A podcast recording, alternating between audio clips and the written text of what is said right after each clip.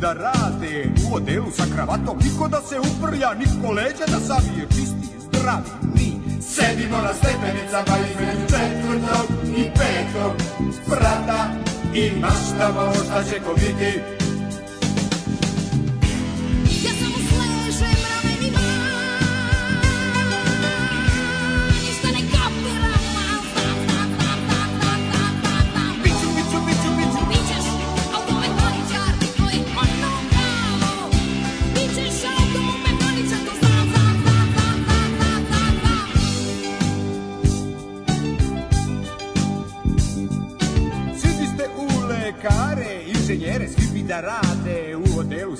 čistom, niko da se uprlja, niko leđa da savije, čisti, zdravi, mi sedimo na stepenicama između četvrtog i petog sprata i maštamo šta ćemo vidjeti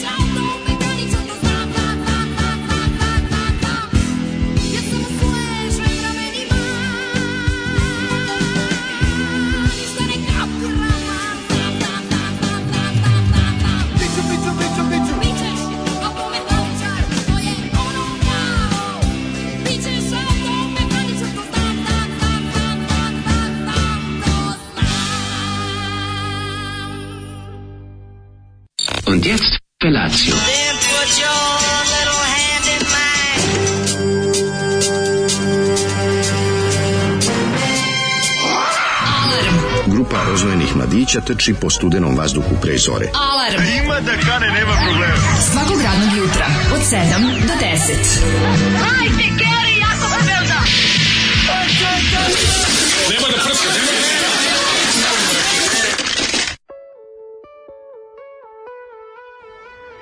E,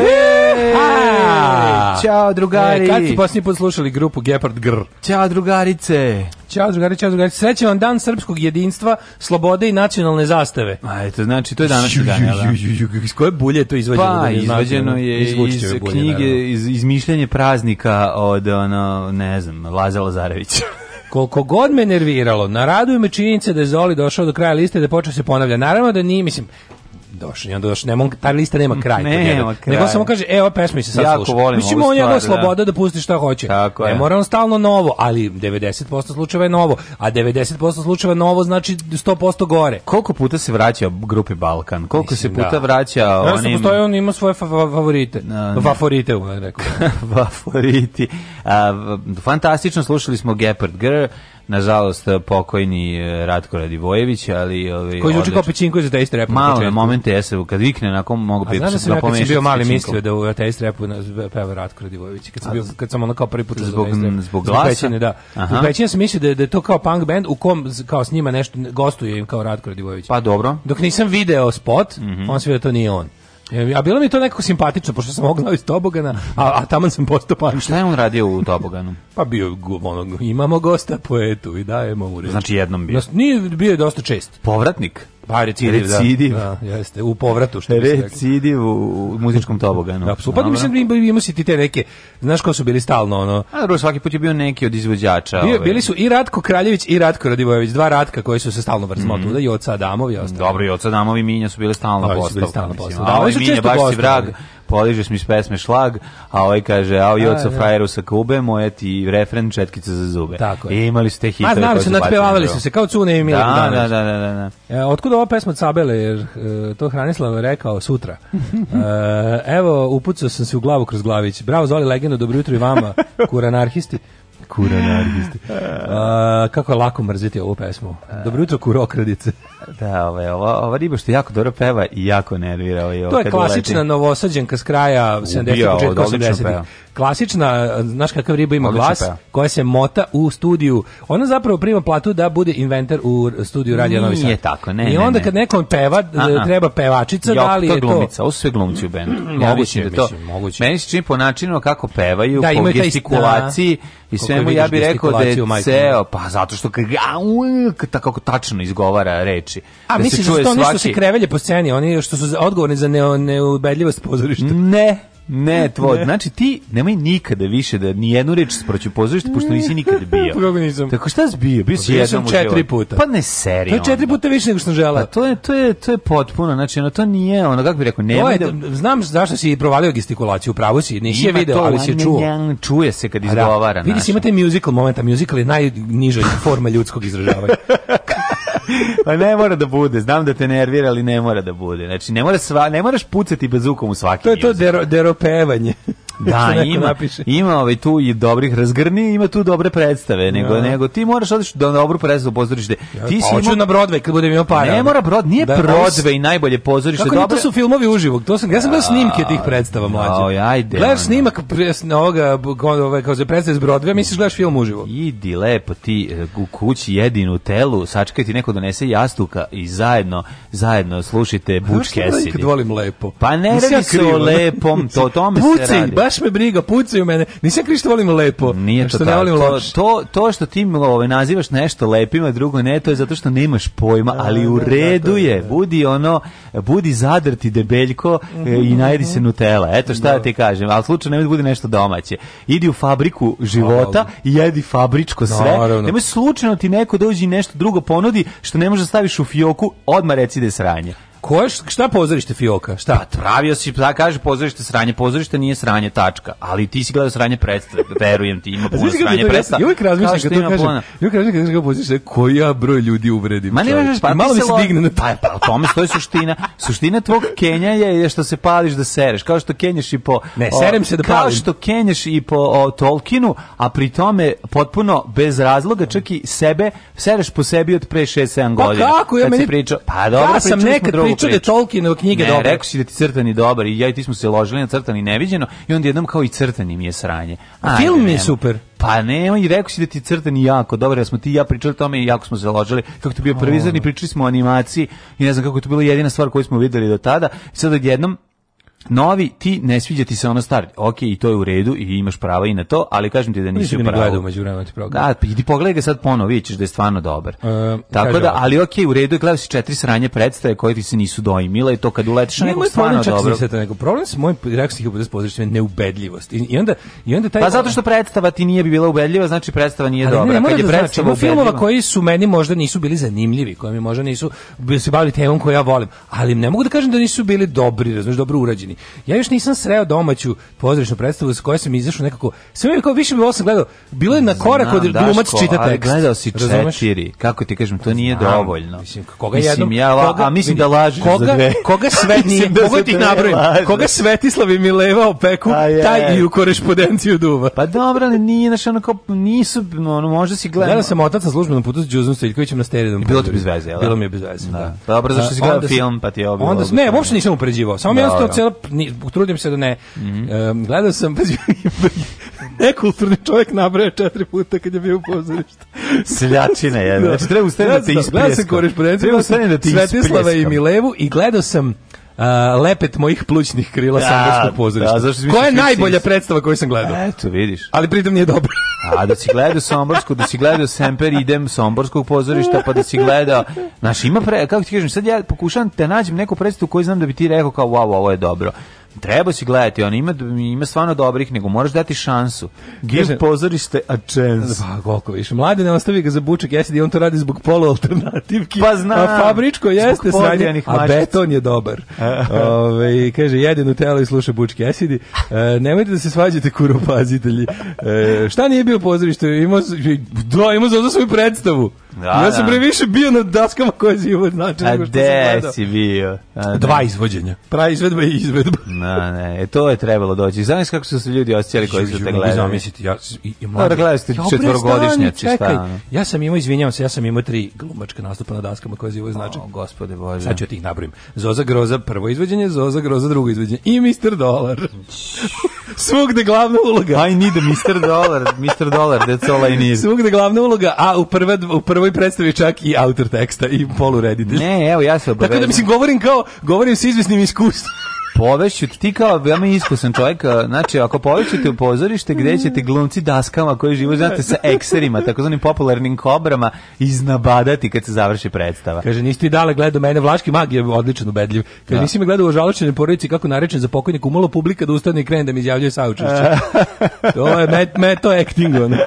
Tako, ne dali meto posle actinga, to ako si dobro. Ja sam meto posle actinga. E, si meto posle actinga. Ja sam posle jednog, ja sam posle jednog actinga meto. E, Tako da onda, da moj meto acting se isplatio. Znači Vučić dobro odglumio? Pa ne, samo su im bilo drago da gotovo. A, Onda pa žene su skakale moj zagrlje. Rekli su da više se ne neka, neka prestane da glumi, evo mi ćemo evo, raditi ćemo, sve da. treba. Ona. Ma, žrtvovaćemo mu devicu. Ona. A ti u stvari da osnoše, ja preko loše glume. Pa da, ja, ja idem ja, do neke vrste terorističke ucene. Bravo, ovo mi se sviđa, odlično. Dobro jutro. Dobro jutro, slušamo.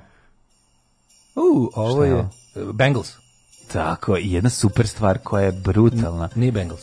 Jeste. Jeste. Pa, uh, Hazy Shade of Window. Tako je. Obrda od, obrda od. Venesko original. Simon Garfunkel. Simon Garfunkel, ali smo gledali u, u seriji posle. Slušaj.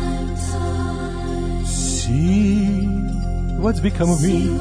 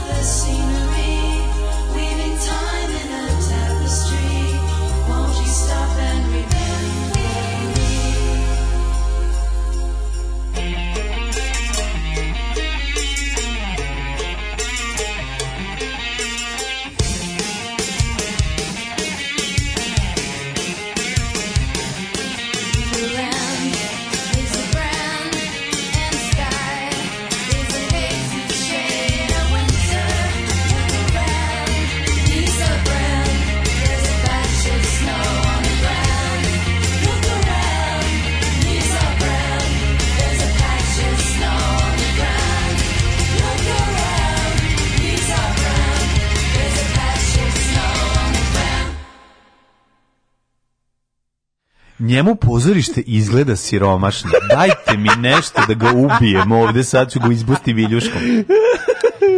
Pa koji sti ono debeli govnar? Cartman, Catman, ono Eric teško. Catman. Jeste ono, znači, krpljenje. Meni da pozorište izgleda siromašno. Ili imate neko pozorište gde kad uđe Broadway, ono... Broadway, da, Broadway, Broadway. Jedu se jagode e, sa šlagom, a ne, zaboravio sam, to je Roland Garros, ne, da, to je, to je to je Wimbledon ili šta već. Znači, je kako no, na Broadwayu čoveče, ono, izađe, izađe lik u kostimu, pomisliš da se vrati u vreme kad je kostim. Njemu je, a pozorište siromašno. A kod nas je ono uniforma SS-ovca od trenerke, majku vam, pa nećemo tako. Jel stvari se dele na bogate i siromašne? Da. A ti bi voleo da svi jednako budu Sve se dele na bogate i siromašne. Sve, je, da. nažalost, pripada da, da, da, da, pa što on sluša?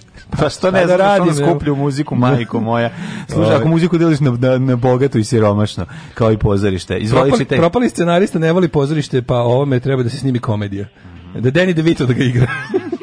Ove, ovaj, um, kaže ovako... Uh, Mlađo, priznaj porez, ubio te argumentima i iskustvom. E, eh, ja, da. Ne prestani šalješ sve poruke. Pa, ovo je bio sarkan, snarkizam.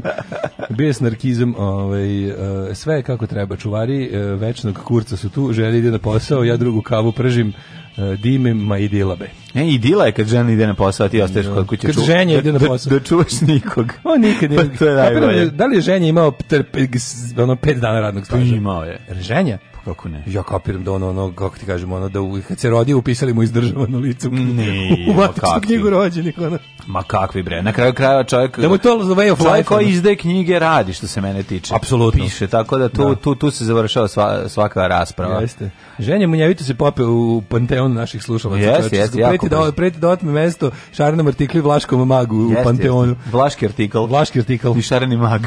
Da. Ove, e, šta se radi juče? Si bio juče, juče sam išao da juče sam gledao pozorište u kući. Ne, mm. juče sam gledao neki film koji nisam gledao sa da, sa Christian Baleom kad je on ono neki ekvilibrium, mislim da se zove, nisam Ima film ekvilibrium. Da, izvelje da. dug, nisam gledao odličan film. Što kako dobar film. Radi? Neka ono distopija, užas, ljudi potiskuju emocije nekim serumom.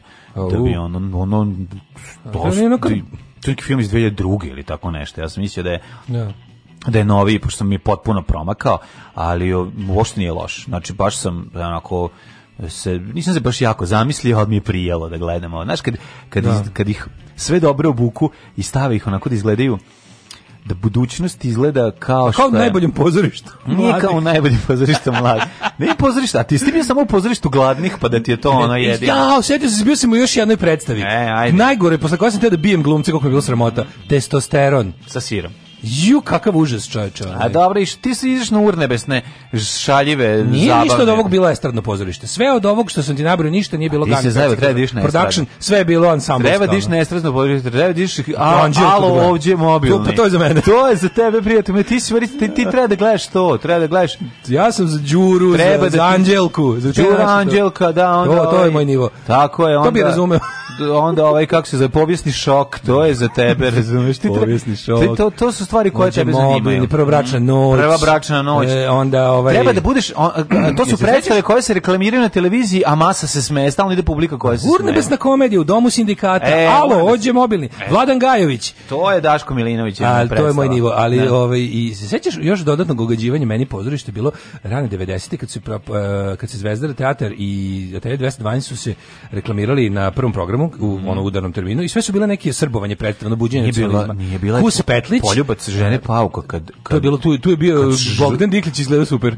Bogdan Diklić, bi kad ono zalizan i Dragan Nikolić krne žvaku Bogdanu Dikliću. To je bilo okej, okay, nego bilo se one, one, one, one, predstave tipa Kus Petlić, e, neki ono e, onda kako se zvale te neke ono golubnjača, te neke onog naš ono što su bile to meni je onako u glavi ostalo kao ono ide Miloševićev govor pa ta predstava. Znaš te zabuđenje, ja te zabuđenje nacionalizma. Ja pa predstava general Milan Edić ja, ja sam gledao tri čekiće, šta sam gledao? Gledao sam tako te neke, ali vrlo da. nisam ja puno, ma kažem ja sam stvarno malo. Znaš to faš pozorište s početka 90-ih. Ali dobro, i tebi se sad i to ti ogadilo skroz. Pa to mi je dodatno kao, znaš. Ne, to mi je dodatno, nema, nema, bilo nekako, to mi je nekako bilo, pa mislim sad radi. Dobro, pa ništa naučiš. Ali na to sve, na kaže i to je bilo doba kad su carovala estrane predstave. Dobro. Plus, kao to pravo pozorište su predstave bile samo revizionizam. Ne. Samo neki ono, da, Milana to nešto, ono, ko, koga su sve komunisti streljali 45. Da, da, sve da. bio takve. I kako se zatiralo to da su Hrvati počinili, pokušali da, počinili, da istrebe Srbe. To kao bio glavna teza. Ono. Da. Ovaj e, državni posao u domu sindikata. I na to možemo da ga Pa to je par excellence estradno pozorište. Pa, da. pa kaže, ovaj, hoće li Zoli naći spustiti Dalibora, e, srpskog Justina Bibera iz 90-ih? Mm. No, mislim da je bio već. More ali, traži dubog džep, a on samo lep. E, molim vas, jednom sam dva meseca radio u magazinu Hello Sokova, kaže ženja. Dva meseca. Care, kralje. Dve plate Ti si moj idol. Što se nas tiče... E, a što Garant da se dobio tiče- jednu, drugu mu nisu dali. Što se tiče jer je predsjednika Srbije, ti si zaposlen čovjek. Što se tiče da naše Da, da. državne statistike, Naša ti si državna deo rešenja, ne problema. Ti radiš, si tako je. rešenja. Naravno. Da, ovaj Tako ja, da sam juče gledao filmove um, i, I tako. i, pa dobro bio jedan interesantan dan ovako, ne mogu reći da se malo, malo sam se vozio i po Fruškoj gori Uh, i tako, šta si ti radio? Ja sam, znaš, čovjek ima malo mače, do duše u komšiluku, koji stalno živi kod njega. malo mače. to. Može. Malo mače što stalno plače, po bari gazi stalno plače, cipele nosi, kaljače nosi, malo mače stalno plače. Šta je to? To si izmislio?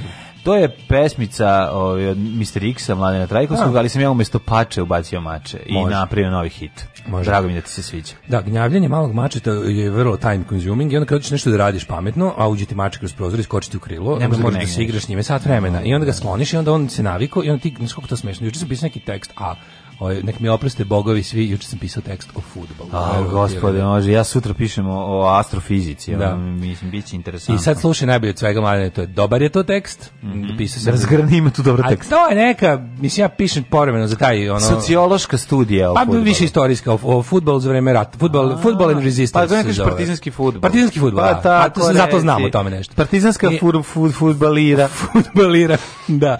I kao povremeno pišem za taj Hope Not Hate, pa se oni imaju neko, kao, će imati novo, neko neku publikaciju o kao evropsku, evropskoj kao evropskom futbolu tokom to kao vezi između fudbala i pokreta otpora u. Hoćeš znači, pisati za mrzim pozorište. E, to je sledeći. A e, sledeći. Da. Da. Koji si sami napraviti fanzin. Hate not theater. E. Uglavnom ću, ovaj, da, to je kasnije, ali bio for kao rekli mi kao što da piše, kaj kao dobro i sad im znam tu sad nešto, ali bilo slatko što on mače mi stalno, znači, pa mi se sipa mi siđe na tastaturu, pa mi je ono kao, pa, pa mi se mota Kaže, kad mačko prođe po pa tastaturi, pa bolje ispadne tekst nego kad ga ti pišeš. Na kraju ga poslao pa ljudima koji prate fudbal i razumeju i rekli su da je tak faktografski tačan. Mhm. To, Nakon što ga nisu otvorili. Nije, pa još sam, čekam sam dobio, od par ljudi sam dobio dobre, ovaj, još par, par ovih eh, fakata da ubacimo u Eto. Na primer saznao sam, ovaj, posle saznao za tog tog, ovaj, kako se zove... Da, ali čekaj, mogu te pitam samo jednu stvar, trivija, koju sam ja učio posle pa se... Je li istina Slobo, da su a, partizani koji su bili zarobljeni od strane Ustaša morali da biraju da li da pobegnu ne, to iz zatvora ne. ili da ostanu da igraju sa Ustašama, ajde su oni odlučili da stave atomsku bombu u loptu i onda kad su napucali u Tuđmana, koji je tada bio Pavelić, i kada je letela bomba eksplodirala, ubila sve Ustaše. Tako je, Sveti Sava. Ih Sveti Sava, tako zvanu bombu Sveti Sava da. O, tako je bilo. Nego sam saznao uh, sudbin izvesnog Svetozara Đanića koji igra za Vojvodinu koji je majko mila. Slušajte čovjeku radi ukratko. Da ne morate da kupujete da ne morate da kupujete publikaciju, čitate. Ja. Da. Lik je igra za Vojvodinu kad su kad su ovi Mađari upali od zabranili Vojvodinu isti dan, i ugasili mhm. tim sve ono kao raz, raskantali, posle počeli praviti neke svoje timove za koje niko nije mm -hmm. hteo da igra, koji je bio lepo. Telep 1 2 3 4. Te otprilike da i ovaj i onda se nekim nekim čudom se desilo da lik koji je bio van zemlje, jedan od napadača Vojvodine Sveto za je ovaj, se našao u Zagrebu gde je ovaj, bio, pa manje više, na su ga skembali da igra prijateljsku utakmicu protiv reprezentacije Wehrmachta kao prijateljska ovaj, Zagreb, Aha. Hašk građanski mm -hmm. tadašnji protiv reprezentacije Wehrmachta i e, kao on se israo na belu tačku. Pa još gore, znači kad je bilo da svi dignu ruku, mm -hmm. on nije digao ruku i onda su mu ovaj kao je ruku, ruku, ruku, rekao, o da, pardon, i uvatio se za kurac znači desnom rukom, onako dok su svirale demačka i hrvatska himna, i ovi su ga pustili da odigra utakmicu. A posle, da. Posle su ga uhapsili, mesec dana su ga tukli, hranili ga slamom, ovaj, ovaj da da da jede slamu tukli ga i ovaj i sve to vreme su mu dali šansu posjećio ga i ovaj treneri svi kao da se da se pokaje da se ono da. ovaj ono bio ludi sremac rekao boli me dupe i tako baš 100 puta bi još dobio batina i onda i onda je ovaj kad je treba da bude izvedena streljanje nekako se nekako uspada da li su mu slobodili su mu ruke znači na primer on je da pridavi jednog E, onda su ga, onda su ga, umjesto da ga streljali, onda su ga presekli testerom vezanog za klupu na živ. Mislim, presekli su ga. A, Tako su ga ubili. Moja. A, šta kažeš? Ne, za storiju ne, sad kad mi, ne, futbal, a? Ne, ne, ne, kad si mi, Ništa je futbal. Kad si mi pričao, sad kad mi kažeš, ovo ja znam za taj događaj, zašto da. sam čitao o tome, taj kraj je, ovaj, da, je da, jeziv. Pre, presecanje testerom, ono. Da, da. Ali reci, mislim, koki treba, koki treba biti car da uradiš to. Neko mi je to pričao. I da budeš, da ostaneš pri svome, ono. I danas mi neko kaže, ne mogu, imam posao, moram da glasam za srpsku naprednu stranku. Možeš bre, u pičku pa dobro, ne mora ni da me preseče na pola. Ne mora, ali neko je neko bio spreman, pa danas ne presecaju na pola, kad ne da, razumeš ono kao, da. ako je neko bio spreman da zbog takvog jednog simboličnog gesta da život na tako grozan način se inati, zna, da se inati govnima do kraja. Jeste, ali možda čovek nije želeo da kaže koliko ima godina, pa su oni morali da ga preseku da izbroje godove. Da. Da, ne znam. Znači, apsolutno, ovaj sam bio u fazonu. Pa wow. Ti si totalno u fudbalu bio, pa, da. Pa mislim Marko, jedna, jedna lepa fudbalska priča. Ti si moj Marko Marković, što se mene tiče, uđe obuci džemper i nastavi u sportskom maniru. Hajde, sine, rec, sve po redu, majici i sestrama. Kako dođe do drugi? Alarm sa mlađom i Daškom.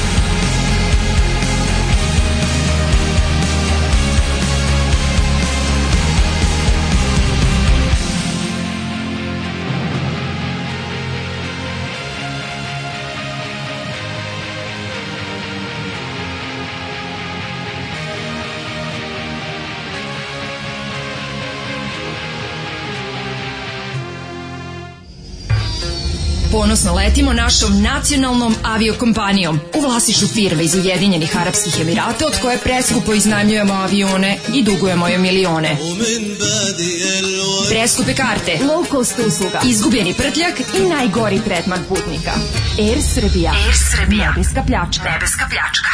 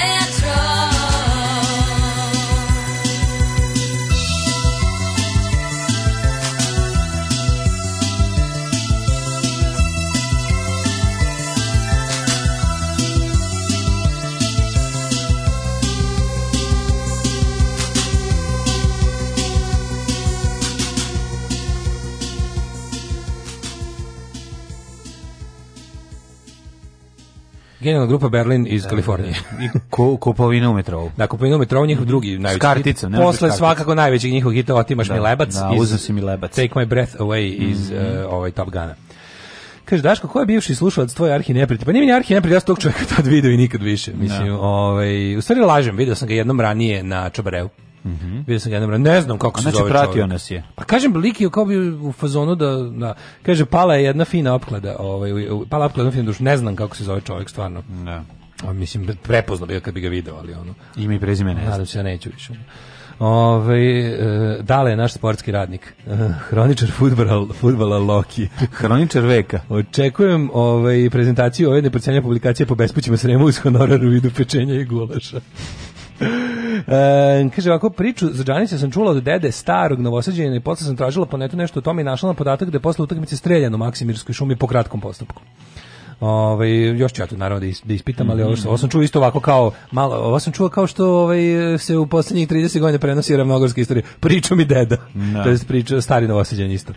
Ove, ovaj, Petrolheads auto vlog kanal na YouTube gledao sam. Epizoda s Kristijan Golubovićem pola sata Disneylanda padova s motora pri 270 na sat, majstralno obavezno pogledajte.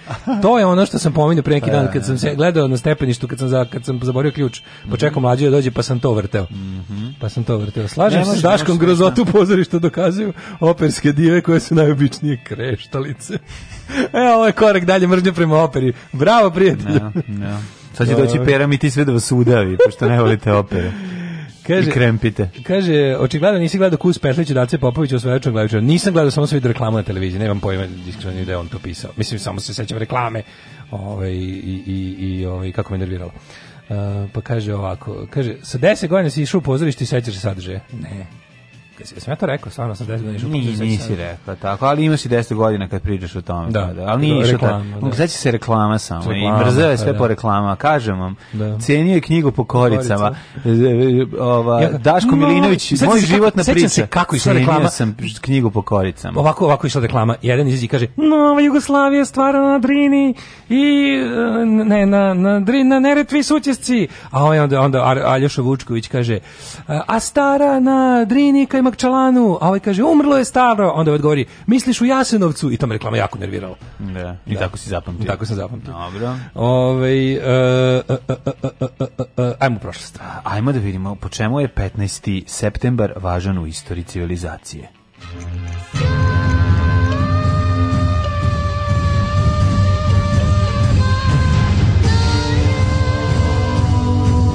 Dogodilo se na današnji dan. 15. je septembar, 258. dan, a tebe nema. U godini po Gregorijanskom kalendaru. Jel ti sve kaže za ovu pesmu? Otkinuću nokat s da, da li znaš ko izvodi ovu pesmu? E, to izvode zajedno, ovaj, kako se zove, Dejan Cukić i Teodora Bojović. To, care, tako te volim. Znači, da. pored toga što znaš što nemaš pojma za neke stvari, neke stvari se ipak zapamti. Ne, svaka neke ja, važne stvari ja se pamte. Ja nešto nisam zapamtio. Važne pa stvari se pamte. Kod mene ti mene mrziš zbog interpretacije, ne zbog suvog sećanja. Ne, suvo sećanje cenim jako. To kažem, to ceniš. Ovaj, mrziš kako ga interpretiram. E, tako je. 533. godina je ove ovaj, godina kojom počinje moja istorija. Ja bih te pre toga samo da te pitam Gde ćeš za najluđu noć? Pa ne znam, mislio sam možda da dam teatru još jednu šansu za novu Kako godinu. ne, ne, grupi Recimo, teatar. Ju, I pesmi Riba. Riba. Da, riba, da, riba. riba. Kada skupim muda i poletim, onda leta. Neka presta sa Katrinom Žutić. Da. Da, tako? da, a grupa teatar je... To je neka kikinska grupa. E, oni su imali ono neku pesmu ono pa neku... A to je. Kako, ne, drugu jedna poznatiju da, stvar, da, imali, da, da. onu neku... Kada skupe lutka, ne. Kako se zvala ta druga, neka, neka poznatija. I da, ta... da, riba. A Katarina Žutić na spotu. Da, Ona, pes, znači kažem, to je pesma koju je ova devojka sad nešto prepevala, pa, za, pa ono posle dobila. Ona devojka što je bila u zatvoru zbog korone. Aha, ona je prepevala tu ona stvar. Ona je prepevala tu pesmu od grupe teatra. Da, sad, da, da, da. bi se ja setio ono srce moje ne ne ne nikad više čizme tvoje da, kako da, da, da. srce moje to da, da, da, to je da, da, grupa da, a, originalna je grupa to je teatar da, da, da, te se sećam pesme ne znam ja tog lika pamtim koji mene stalno podsjeća na mladog Minju Dunđerskog i zato sam ga zapamtio taj pevač iz taj pevač iz grupe teatar ovaj kao kikinski Minja tako smo mislim e, vidi kakvi fenomenalni danas danas ovi dani sećanja kakve pazi se Teodore Bojević i Dejana Cukića da da da da mislim setio se reklame za pozorišnu predstavu od pre 30 godina dobro okej okay, ne da se ložiš toliko na sebe smanji. Kako utorak da kažemo? Sačekaj daj šanse do petka, da, ima vremena. Može. Uh, u Japanu je danas dan poštovanja prema starijim osobama. E, kao odlično. Kako se znači? Sad ću u, u... Samo u Japanu, nemoj mi divljati. Samo dobro, pa kako se to poštuje starije osobe? Ustaju u busu. A pa, ustaju u Tamo garčeš i ne postoji bus, tamo ljudi putuju raketama. Ma lete na onim malim točkovima, što ne znam kako se da, da zove. Da, da, no oni mi South Park Ne taj, ne taj jedan točak. Kao čemu da služi puniću? Nema potrebe, ovo se mi buljuju usta, to ne, to je nepotrebno. To tako kao, volim da, volim da tako bude. Ono. Danas je nacionalni dan knjige u Alžiru. I uh, jedne knjige. I dan povratka Primorske matične domovini državni praznik u Sloveniji. A mi imamo super sklepan praznik izmišljen pre 5 dana već pušten u nalepnice. Nalepnica fucking kurir žvalavi ono. Kako se zove? zove dan zove? Da. srpskog jedinstva, slobode i nacionalne zastave. Yeah znači ono seremo. Što nisu odvojili tu tri dana? Dan srpskog jedinstva, jedan dan nacionalne zastave, drugi dan šta je ovo treći? Slobode. Slobode mogli su. Slobodu su u, u, sloboda ne, da, slobodu su zabili za sredinu zato što nam to nije važno. Ove, ovaj. ne postoji bez nacionalne zastave. Ne, dan srpskog jedinstva, a na na ovome uh, grafički prikaz je onaj izvidni, onaj izviđač sa sa Kajmakčalana, da. a iza njega su vezane zastave Republike Srbije i, i Republike Srpske. Da. Naš kakav ono vomit. Ove, ovaj, događaj na dan 15. septembra. 533. Jeste. Vizantijski vojskovođa Velizar, nakon što je izašao iz uh, aktovke koju je nosio njegov otac Bora Todorović, opljačkao, pa dobro, veliki ko kufer, kufer. E, izašao iz kofera uh, i opljačkao nekoliko prodavnica u jednom malom mestu, nadomak Kruševca, i za tako posle toga završio ne, zatvor. Ne, to je bilo u Beogradu. A, u Beogradu? Da, ja sam isto mislio da se... Ja sam A ne, oni putuju negde, nije pa on, ko zna gde, oni žive u nekom malom mestu, ne, nije to, neka Mitrovica, nešto. Nisu oni u Beogradu samom, ja mislim. To, to kad on ga je ostavio u prodavnici, to je u Beogradu, ali mali dobi krušku. Pa nije, nego bi trebalo da igra, da, da, da, upravo si. Da, da, da. Ali ne, oni idu da posete neko. Ko je njima još u domu? Ne, ne, ma nije, pomešao sam. Da, epizode. da, upravo. E, Vizantijski vojskovođa Velizer zauzeo Kartaginu, dobro, 608. Mhm. Sveti Bonifacije, četvrti. A nije bez veze Kartaginu zauzeo, jako velika. Sve se on misli na Kartaginu treba spaliti. Da, to je govorio ko? Mhm. To je rekao neki ko to rekao, nije Hannibal, nego kako ne. se zove, rimski neki. Ne, reki rimski, rimski vojskovođa, da. da. Vjerojatno i Cezar. Ne, ne. E, 668. To je govorio ko, ko, ko, ko. Katon neki, ne? Harvey Keitel. Keitel. 668. Platon. Plankton. Konstantin II, car istočnog rimskog carstva, ubijen u Kupki u Sirakuzi, Italija. Šta su mu stavili u kupu? Pa nemam pojma, A, stavili mu sipali neku, u kupu, majku. Kosilije. Himalajsku so, kosi, previše kosilija. Previše kosilija. Trovanje kosilija. trovanje kosilija. Ne postoji previše kosilija. Ne, apsolutno. Ja bi kosili miris svaki mhm. dan. Znači, kad Feđi pravim kupku, najviše se obradujem kad kaže da hoće balone. Jer on Žena da, oprana u kosiliju, je malo šta ljepše. Jer ću ja da šnjofam ono stiskan da izlazi vazduh da, iz da, da, njega da, da, da. i ulazi u nozdrave direkt. Taj udar znači, kosilije. Znaš, imam mleko za telo kosilije da ga koristim. Kosilije baš odlično. ja, ne, ne, ja, kosilije ovako, pa dobro, ja ukradimo od Ne, ne, pa zašto je e, dobro? Pa, da. Zato što budi, to je trigeruje Niška, rana, lepa sećanja iz mladosti. Neka na kože. Je. A no, kosilije. nije zbog toga, od e. kosilije, ono, zato što se, pe, na, non stop se pereš. Hiljadu, de... zato što si, dobar si pereš. Zato što ti ništa čist si pereš. Jebi bih ga čista si pereš. Ove, ne, nego si, sad, ništa ti nije sveto, jesi žena, i nemaš žena, srce, ja si žena. I nisi služio vojsku. I da mi je... I da, to je sve da znam da ti kažem. I nije, I nije me žao. I nije ga žao. I nije me žao. 1014. vođena bitka na Belasici u kojoj Bizantijska vojska potukla trupe cara Samuila. E, ovde si... Samuil je Bugar, to znam. Uhu. Da, pa si ih ovde ostavili svakog stotog. Mm, ne znam. Jeste, evo mi, je bitka, bitka na Belasici? Čekaj da vidim. Na Bjelašnici. Čekaj da Belolasici. Da Nije Belolasica. Vidimo ako su potukli Samoila, evo, ako Bugari, na čelu su ovim podigli ustanak, bla, bla, bla, ove, Vizantijsko-Bugarska vojska, na, na, ček sam da dođem do pred bitku, dobro je, ajmo malo razakuvajte. A, the aftermath, kad imaš one, kako se zove? Da, nakon bitke, evo. Tako the je. aftermath of a massacre. Mm -hmm. Bugari su da po rečima uh-huh, to je malo apokrifno to je malo apokrifno mm -hmm. zarobljenici, evo ga sad ćemo, e. da- evo ga Je, Jovan Skilica beleži da je Vasilij II potpuno uništio bugarsku vojsku i dobio 15.000 vojnika, da ih je prema ovaj da ih je a po, po drugom izvoru bilo 14.000. Dobro, to je sada manje važno, među istoričar e, kaže ovako Uh, e, 8000 zarobljenika Vasilije je podelio zarobljenike u grupu od po 100 ljudi, a svako, a, a, a svako je potpuno slepio 99 vojnika, dok je ostavio po jednog zarobljenika sa jednim okom. O majko mi. Ja, znači ovo je baš ozbiljno. Znači tu operaciju vađenja očiju ljudima bi, na angro. Uh, e, pa jebe vam mater ludu. Da, drugi mogu voditi kućama. Ja. Da.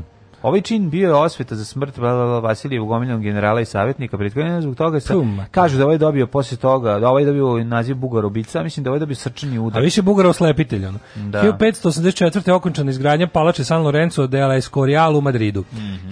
1590. Gian Batista Catania izabran za papu kao Urban VII. Mhm. Mayflower isplovio iz Plimuta. Ovo je jako važno. To su prvi... Prvi anglosaksonski doseljenici. Da, da mislim da niko njih nije preživio prve tove. Uh, e, pa nije, ali su, stigli su oni tamo do sledeći. Pa ne, oni su stigli Plimut, tamo Plimut i živeli, međutim prva zima kad je došla, druga kaže da su i poumirali. Da, Plimut, Plimut Rock, to je to mesto gde su oni kao da, dospeli, no, sve su nazvali. Posle Plimut Pop Rock. Plimut Pop, kasnije su razvodnili. Kasnije su ga malo razvodnili, da, da, da, biste svi, svi se više slušali. A Gian Batista Pampihilj izabran za papu kao Inocentije 10. i Engleski i Francuska potpisali mirni sporazum 1656. E, 1776. u toku američkog rata za nezavisnost britanski trup pod generala e, Williama Howa zauzele New York. Jest, eh, s 1789 mhm. u SED ustanovi State Department. 1776. Kad počinje ova ovaj eh, rad za nezavisnost te godine. Ne, ne rad za nezavisnost. Da, to je iz te godine. Ne, mhm. pokušam da setim iz kog perioda je ovaj Gangs of New York 1800 i neka, el' pa, tako? Kasnije, kasnije već u Americi, da, da, da, Americi, mislim yes, već. da, da. A 1789 je ustanovljen State Department, mm -hmm. to je američko ministarstvo inostranih poslova. 1810 U Meksiku počeo prvi e, ustanak protiv španske vlasti koji je prekinuo trajao do 1820 kada je proglašena nezavisnost Meksika od Španije. Da, 1820. Dan, ovo je njihov sad prvi meksički ustanak, el' tako? Jeste, da, tad je došao prvi, la da, Giorgio Negro. Giorgio Negro je došao i rekao: Estu ja, estu vi, rat ne, špancima. To je rekao Miloš Obrenović. Mm, e, A ne Karadžorđe. Rat Turcima. Da, to je rekao Miloš Obrenović. Ne, bre, to Stvarno? je drugi srpski ustanak. Drugi, tako, evo mene evo vas. Tako, osjeti se one slike. I didn't know. Kako ne znaš, bre? Da- evo mene evo vas, rat Turcima. Ja sam ubiđen to Karadžorđe. Nije Karadžorđe, znači, ništa. On je Karadžorđe govorio koje kude. Da znam da govorio. Ili ti na španskom, kako je to nego. Koji je skudas? Đorđas Negros rekao... Skudas. E, Kvo vadis, ne vadis. A, upite nas, kakav duo pegla. Kvo vadis, ne vadis. Kvo vadis. 1822. britanske mm -hmm. trupe zauzele Kairo, Arabe Paša koji se predao Britancima protiran Ceylon. Mm -hmm. e, Kairo postao, ostao pod britanskom kontrolom do 22. kad je Egipat proklamovao nezavisnost. 1835. Beagle. Ne žuri tako. Beagle je vrsta psa, ne, tako? Ne, i brod kojim je Charles Darwin. Dobro, ali sam te da kažem i Beagle je i Marka. putovanja, te ono, stigo danas... Onaj lepi pas što stalno laje. Danas je stigao na Galapagos. Danas vidio onu veliku kornjaču da. koja je umrla prošle godine. Preporučujemo da se pročita od Kurta Vangata Galapagos. Mm -hmm. 1851. Izvolite kolega. Zahvaljujući bašćanskom kleriku Petru Dorčiću pronađena je bašćanska ploča. Mm -hmm. Glagoljicom pisana 1100. godine. Na, na, aha, to je Baška na Krku. Da, da, Bio. Da Bio video, Jesi svirao tu Bačansku ploču, yes, verovatno jesi. Yes, 1864. Tokom lova na Jarebice, nesrećnim slučajem ubio se engleski istraživač uh, Spik, prvi evropljanin koji je augustu 1858. video Afričko jezero Viktorije, tvrdeći da je, da. da. je ono izvorište mm. Nila u Porto Alegre osnovan fudbalski klub Gremio Porto Alegre 1903. Mm -hmm. Slušaj, treba još podaci o osnivanju fudbalskog kluba u Kraljevini Jugoslaviji znam se. 1900, 1912 izgrađena gradska kuća u Subotici. Yes. Da li iste godine e, na isto mesto i otvoren kafić u Kafu vlasni, u vlasništvu Bos je odmah otvoren. Odmah. Ne Bos, nego ovaj kako se zvao ovo dvojica Andrija i kako zove drugi? Uč... De koji kako? Ma ona dvojica što ove ovaj, stil je um, od A, ovi stil od inteligencije. Inteligencije, da. Ovaj Andrija i Andrija i kako se drugi zove. Ne, sad to ne Ne, ne setićemo ne, se. Ne, nema šanse. Da, genijalni su. E pa oni su verovatno u tom periodu. Ugrađeni već, tvoj, već u to otvorili. Oko njih su zidali, Već otvorili kafić. Oni su tu sedeli i mudrovali već tada, a oko njih je mm. sazidan. Genijalni. 1916. u bici na da Somi u Prvom svetskom ratu Britanci upotrebili the tanks. Prvi tankovi. Napravljeni prema projektu Ernsta Swinton. Zašto zove tank? Izgledali. Tank za pa zašto tank? Ne zašto se zove tank? Zašto sve vreme zbog nemačkih špijuna, a, dok su razvijali laž, projekat, oni su to cisterna, tank cisterna. Ne zašto podsjeća na da, cisterna. Pa nije, ne, nije, nije fora, nego su oni kao rekli da bila je fora kao da rade neku novu cisternu. I onda su oni nisu obratili pažnju nemačkih špijuni kao cisterna nije tolikog značaja, a oni su stvari razvijali. Nisu pitali šta će gusenice na razvijali. Ne, nisu oni uopšte gledali u tom pravcu kad su čuli da se pravi cisterna. Mm. I, I stalno su na bilo koji ono kao referisanje na projekat koji se dešava u tajnosti, su govorili da se govori da tank, ono, i to je, on zato je, zato se tako zove. 1000 1928. Nemci su kao parali traktore, a zapravo su bili tenkovi. Da, to ne, isto ne, bilo. Bilo vrlo što Nemci vrlo brzo, nakon što su videli ovaj engleski tenk napravili smo. da razvijaju, da. da. I zarobili jedan i brzo ga brže bolje skovali svoj. 1928. Mhm. Što zarobili jedan, mogu si da hodeš pored njega, on je bio sporiji od hodanja. A jebi ga, mislim, da, su vide. Super što su stvarno Nemci da. isto imali tenkove do kraja rata. A s da. obzirom da je s obzirom da su ovi na po rata da, isto napravljeni, um, bili su vezivani zakivcima. Možete da je bilo opasno kad metak pogodi pa zakivak, zakivak, zakivak uletio unutra da. i po, ubije e posade. Pa Pa imaš, one, Rusi su smislili bolje. Rusi su smislili bolje. da. A, zato što su ovi, imaš kao riveted tanks i ne znam, welded tanks. Mm. Evo, riveted su imali tu, tu ovaj, mm. manu da su, da si mogao kad dobar šverac. Well done tanks i, i medium rare. I medium rare, da. Ali kad, kad ga pogodiš, stvarno kad pogodiš te velike, to je znalo da uleti unutra i da, da ubije posadu. Da, ubije pa da, da, pa da, da, da. rikošetira. Unutra po metalu. Da, da ga uradi ci, ci, ci, ili ti rikošetira. Da ga čungne. Da, da, da. E, Fleming otkrio penicilin 28. Mm -hmm. uh, Veoma važna stvar, kako je otkrio? Tako što nije želeo da baci nešto iz frižidera. Ja, žena mu rekla, u stvari žena njegova otkriva. Žena je kriva, Zna ko ne baca. na, na, ko ne baca, da. I Ona baci, to je rekla, treba će kad treba dođu deca. Da, da, da, i o, zato što su jeli o, e, sa plesni, izlečili su se od bolesti. 1935. Nemačka je osvojila novu zastavu sa kukasnim krstom. Ko to u 29. 35. 35. 35. Da, Nemački Reichstag na vanrednom zasedanju u Nimbergu doneo zakon o oduzimanju državljanstva Nemcima jevrejskog porekla, to je su zakon zakoni 35. Mm. Ove, utvrđivanje rasne čistoće i novi državni simboli. 46. Proglašena Narodna republika Bugarska. Mm. Izjasnili se protiv povratka monarhije. Konrad Adenauer izabran za prvog kancelara zapadne Nemačke, a Theodor Heuss za prvog predsjednika, predsjednika republike. I... Adenauer jedan od um, e, rodonačelnika Europske unije. Pa bio je tu prisutan, ali je pa onako, mislim, bio je, da, bio je zada. Bio da. je važno. Konrad Adenauer je bio hrišćanski demokrata, ali da. ono što je interesantno, on je, zbog njega je uh, predstavnica zapadne Nemačke bio Bon, mm -hmm. jer on nije teo da ide na posao dalje, mm -hmm. teo da bude u njegovom Neka gradu. bude u Bonu. Da bude tu gde on živi. Kao mm -hmm. može, ali da bude tu. Mm 55. u Parizu obljen kontroverzni roman Lolita Nabokova. Mm -hmm. E, uh, 57. je održan treći parlamentarni izbori u Njemačkoj. Uh, ovaj zadržao mesto kancelara, viš? I on je bio komerkelova, pa da. jebote. Pa, da, pa jest, 72. Španija i Savez potpisali ugovor o trgovini, prvi prvi ugovor dve zemlje od okončanja Španskog građanskog rata. Uh, 62. sovjetski brod Poltava krenuo prema Kubi, što je jedan od povoda nastanka kubanske krize. Mm -hmm. U, pazi ove, 72.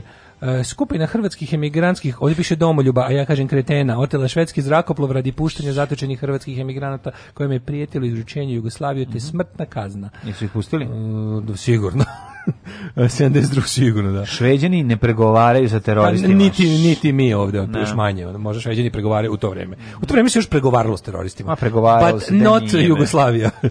1987. E, Nemački da. hakeri Haos klub A, upali prvi, u kompjuterski sistem NASA da. i instalirali program nazvan Trojanski Prvog konj. Trojanca im turili. Prvi Trojanac. E, to su bili ti počeci hakerisanja, kad su svi hakeri bili bre ljudi anarhisti, Čekaj, izvini, kako etički su, ljudi. Kako su? Bi ga postale već ono nekako ARPA mreža ili nešto. Ono. Preko čega su se povezali? preko tadašnje i kompjuterske mreže, recimo ARPANET je. Pre, Ospela, 87. je postala pa pa- već. Kompjuterske mreže da postoje od početka 80. Ja znam da postoje. U, u, u savremenom smislu. Ja, znači modem i to kao da se ja telefon Ja je, ali sam mislio da su postale, kako bi rekao, da nisu bile dostupne pa da 87 da upravo. Pazi fore što ti imaš kao te um, onda smeš meni čonguru koji smo hvatali sve sve 89. Ne, kao ideja da se da se uređaj zvani modem koristi da pretvori uh, kompjuterske podatke u telefonski signal je da. ono ja mislim kraj 70-ih, početak 80-ih, mm.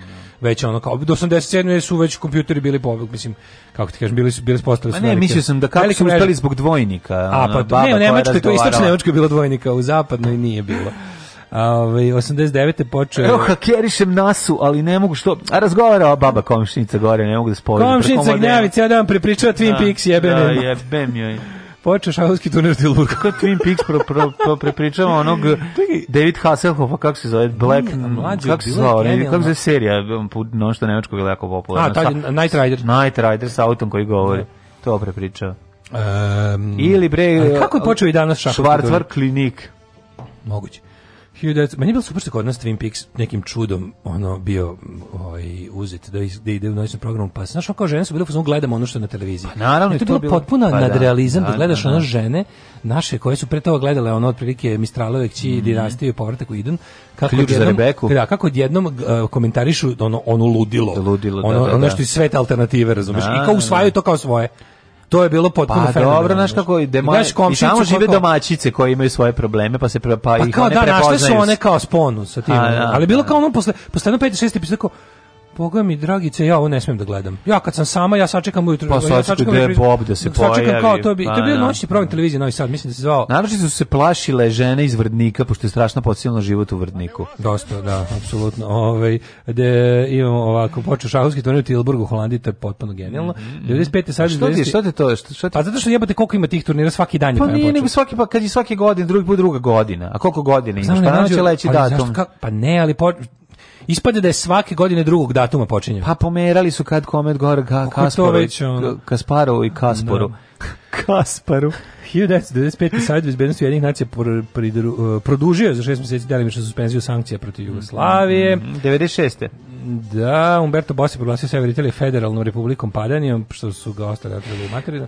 Um, pa onda ovako, 2000. U francuskom delu Baskije uhapšen je Ignacio Garcia Regui, prema zvaničnom Madridu vođa ETA, mm -hmm. što je on verovatno i bio. Uh, e, 2000. Sidne otvorene Jugoslavije olimpijske igre 27. Ovaj e, koje to 2000-te? Uh, e, imali smo tri medalje, zlatnu od Bojkaši, srebrnu Šekarićka i bronzanu mm, vaterpolisti. Koje godine u Sidneju, uh, ne, čekaj, kada je Sanji Vošev dobila? A to je ranije Atlanti.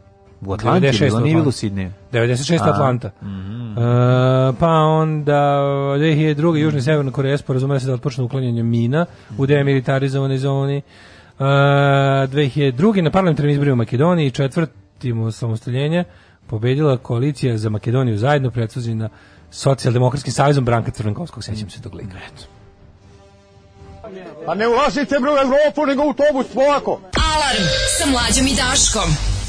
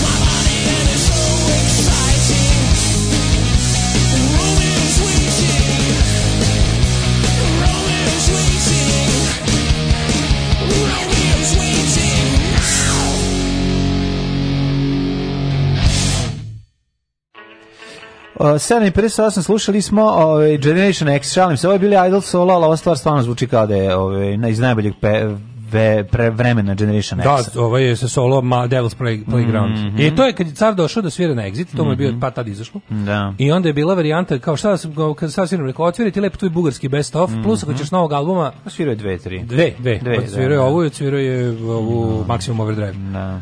Um, ima dobrih poruka. Kaže, kad si mrazio testosteron, treba si gledaš estrogen. Promenio bi mišljenje u pozorištu 100%. Mm -hmm. Ja sam teatrolog, odnosno osoba koja poznaje grupu teatar, imao sam cijel album. Šta je ovo, je li moguće da je ova grupa teatar toliko popularna među slušalcima emisije Alarm? Sunce vidi zemlju, celu drvo, kuću, travu, česmu, jeste. Mm -hmm. Volim operu, onaj deo dok samo sviraju. to je pravi, ovaj, to je pravo shvatanje. Jeste, pravo si Katon je rekao da Kartaginu treba. Mm -hmm. Neša pevač iz teatra Vazda u izmaglici lakih opijata noćima me izluđivao sa njegovim probama u garaži dok sam pokušavao da obeščastim jednom mladinku sa mu se u čarape. ja našla bekutan deterđent za veš, fantastično miriši. Mm -hmm. Zamišljam grozan skeč s motivima ovog događaja s Vasilijem. Nije on stoti, ja sam stoti kreteno nepismeni. Njega da. očaravite ovog, mene pustite kući. Ne, ne, ne, ne, ne, ne, ne, ne, ne, je meksički gidra je Jorge Negro. Mm -hmm. Onda ovaj uh, imamo Andrija i Perica. Andrija i Perica, da Perica je ovaj drugi, da zaborio sam ime. Kaže, Drugo, mrzim, mrzim babe što se guraju da dođu na red pre drugih kod im život od toga zavisi. Pa možda mi zavisi. Znači, ne znaš kako je to kada, kada ti smrt dahće za vrat, hoćeš svaki. Molim penzionere koji kažu, aj ti pre, o, ovaj, imam ja dovoljno vremena. Slušaj, što je velika istina. Prekjuče sam radio kod nekog šahiste Da kaže, obožava šah, ništa ga drugo ne zanima, ima čitavu biblioteku o tome, ali sad nema gde da je drži i ja iz jebancije pomenem Tilburg i vidim da mu je to patnja što nikad nije otišao. Ali uteha mu je što trenira neke koji su učestvovali. Bio je zbog šaha na svim kontinentima bezbroj gradova, ali nije video ni jedan osim hotela i aerodroma, ne zanima ga. Aha, pa dobro, zanima ga samo tabla. jako dobro. Sve jedno me zanima ga tabla i raspored figura i to je sve. Kaže opera Knez Igor u Marinskom teatru u Petrogradu. Pogledaj pa kaže ja teatar ne valja. Ja sam, molim vas, lepo rekao da ja ne volim srpsko pozorište, u, nje, u jedino u kojem sam bio. Ništa, ja ne, ništa, ne, da ja verujem da Bolšoj teatar izgleda. Ja verujem da Bolšoj izgleda bolje od pozorišta Upravo je, a Levijajan, ti mrziš sve srpsko. Sad si i rekao. Evo, otvoreno. Znači, ja mrzim sve Siguran srpsko. Siguran sam da Marinski teatar u Petrogradu izgleda kudi kao bolje od Neću, ovog. ustajem i odlazim. Nisam se učlan i sad u, u ovaj, kako se zove, Levijatan, da mogu vozim bez tablice. Mogu bez tablice. vozim bez tablice, auto. Ne, ne moram više se zajebavamo, da tražim. Nešto, stvarno mi je, ne mogu više ovog A ti ne možeš ti jedan kupio auto. Mogu trpim ovog pazi, čoveka. Pazite, ovog mlađu sirotilju, poštenu, ovaj, kupio auto, neće da ga provazi ni do kraja, Kao, nema tablice, rekao, dobro, poštujem. A vi kako levi Levijajan vozi bez tablica kombi Aj, po Srbiji. Dobro, oni su... I to kombi kojim idu u dela, no da, kako da, boljenje da, kurca, ono, svaka čast. To je krivično delo za tebe i meni, za sve druge stanovnike Srbije, al za vlast, to je, ovaj, kako bi rekao, to, to nije krivično Ja stvarno mislim da ovo ovaj ima u novčaniku, da mu je Nebojša Stefanović napisao, kao, možeš da ubiješ koga hoćeš. Nebojša Stefanović, da, da, da. I pečat kao izvoli. License to thrill. Bukvalno, license to Montreal. Mm -hmm. rođeni na dan 15. septembra. 1254. Marko Polo, Marko, venecijanski Marko, trgovac, Polo. istraživač i proizvođač majica, je li tako? E, da, Polo majice Polo prvi majice, napravio, pre njega su svi furali obične t-shirts. A odakle ideja za Polo majice? Tako što je prvo... Ralph pro, Lorenz, pro, njegov veliki prijatelj. Prokrimon i Ralph Lorenz su prokrimčarili svilenu bubu u štapu, je li da. tako? Ne, iz, je li priča? Iz, iz, iz Kine. Je li priča za... A to ima ta priča. Da. Je li to on ili neko drugi? A ima cijela priča o tome da on skočila na kraju ispada, nije, nije pa kao njegova robna kuća. Ima neko malo mesto pored Korčula, a tamo je bio zatvoren Ne, ne, ne Zeluka je na Korčuli, neko drugo manje ostrvo. 1700... A on je navodno bio e, samo zatočen tamo. Ja sam na Korčuli video Milana Kučana u kupaćim gaćama u vremenu kad se Slovenija ocepljivala. Pa je bio malen Kurčan? E, ne sećam se. Zaboravio sam da ugledam u penist. Mm -hmm. 1737. Znam da sam mu se, jako smo smiješno Mikević, ali njemu javili. I kao, dobar dan, i vidi kao, ko je ovo kao da. Šokom, javili se poznatom čoveku i se keo setio kao pa to je Milan Kučan kao pa to je Milan Kučan da koji došao se odcepi a oni ga gledali tih dana kao blesavi došao da odcepi more od da. Hrvatske da. ovaj gledali ga na televiziji pa znaš to, to ti baš primer kad nekog da, preš pa ne znaš da, da ga smestiš kad ga pa vidiš pa to ti kaže da 1737 Hiljud, o, da, može. Mikloš Kuzmić. Mm -hmm. Piše se Kuzmić sa umlautom. Da, da, nikad neću zaboraviti kako je moj Svećenik u Mađarskoj, aj Kako je moj komšija, ovaj vikao svog sina.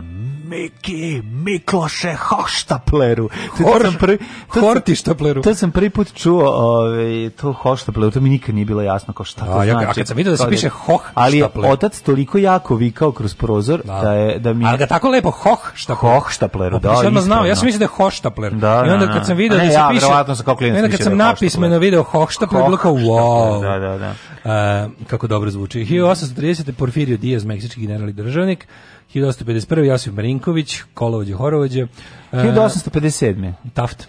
William Howard Taft, predsjednik SED. Tako je, pa onda 1890. Agata Christie, engleska književnica. E, imamo prije toga i Roberta Benchleya i Ascarija. Sam mi reci da ne voliš ni Agatu Kristi. Agatu, joj, čutaću, ajde da ne budem stvarno uskurac ceo A pa reci da ne voliš. Ne volim, ja ga izvinite. Ja mene nervira kad nešto ne kažeš da smem, si voleo, pa posle kažeš da ne voliš. Šta da, ću, A ovo, pa kad sam voleo Tolkiena jebote lebac. Kad sam voleo, to je jedna knjiga nisam pročitao, počeo i ostavio. Pročitao 120 strana koju ja ne mogu više. Voleo si crtani, nemoj sada lagati, a tebe nema. Prestani da lupaš o sto. E, Izvinjavam se, bubaj, bubnjar sam, šta da radim? E, bubnjako na kolenima, ko svi normalni bubnjari. Ja nisam normalan bubnjar. 1904. Umberto II Italiji. Ne Eko, posljednji kralj Italije. Za Gatu Kristi da razjasnimo, mm dosadno mi začitanje, pročito sam dve knjige. Pa da, ali su ekranizacije dobre. Pročito, a, sve ekranizacije, obožavam da pa da, eto, jest, to, je to. to je drago mi da neko snimio, eto, mm to i mhm. onda izjavim. Mm 1894. rođen Jean Renoir. Mm -hmm. uh, Nisi čitao 10 malih crnaca otišlo u krevet? Mm, gledao sam Jedan pas kreveta, ostalo i devet. Gledao sam 10 malih crnaca sa Angelom White na X videos. Mm -hmm. 10 malih crnaca na Angeli White, White nastao je analni fight. Tako sam zapamtio. E, i, mali malih završilo u krevet. 10 mali crnaca uopšte nisu mali. Da, da, da. da. Na, na, na, na, dupe je razvali. Mm. E, 1902... Nije mora, ostalo ih osam. Kako ne da. znaš pesmicu. Svaki put treba da ide pa sedam do keca, no nije važno. Dobro, kad je osam je super rima, mogu ti Da, može, kako su, ne. Bukvalno svi su pomalo. Ne, ne. Uh, 1915. rođen Helmut Schen, bivši nemački futbolski trener. Mm -hmm. uh, rođen Zdravko Čalar. 1922. Jackie Cooper, američki glumac, producent i režiser, skoro pa Gary Cooper, da, da nije. Jackie Cooper. Mm -hmm. 36. rođen Juri Koh i Lužičko-srpski pisac. Mhm. Mm Uh, Dan, ka, Lužički Srbi. Da, Sorbi, tako zvano. So, sorabi. Sorbi. Sorbi. Sorbi. Ovaj, oni, to je, zastava to Lužički Srba je, tako? Zastava Lužički Koji su ostali da žive u, u, u Njemačkoj. U, Istočnoj Njemačkoj, da. da. I da, da. Mislim da ih ima malo nešto i, i na zapadu Češke. Oni su svojim varvurzima došli iz Dnjepra, Bio sam iz doline reke Dnjepra. Nekoliko puta u, u tim krajevima. U Lužičko-srpskim krajevima. U Lužičko-Srbiji. Pa, pa priča mi pa kako je izla. Pa Luži, Laus, Laus. Glavni grad Titovo Lužice. Titovo Lužice, Lausic ili ti mhm. Lužic. Ovaj. Ali, ne, ali to je to je Saksonija. Oni pričaju nemački, se nema, tamo, da, da, da, tamo da, nema srp, ne ne, čuje, ne ne bite prepoznali kao u Saint Andrej. Uh, e, Saint Andrej možeš čuti srpski. Da, ali ne, pa ne pričaju nikim su ni ne postoji, ne pričaju srpski. Oni imaju lučičko srpski jezik. Dobro, imaju neki slovenski. A imaju jezik, je da, da, ne, nisu ne pričaju ni srpski, ne pričaju da, lučičko srpski. Koji liči na zapadno slovenske jezike, liči na na te mm, tako. Zastavi mi je plavo, crveno, belo. Mm -hmm. uh, Viktor Zubko, političar, pa onda Radomir Vukčević. Henry Silva.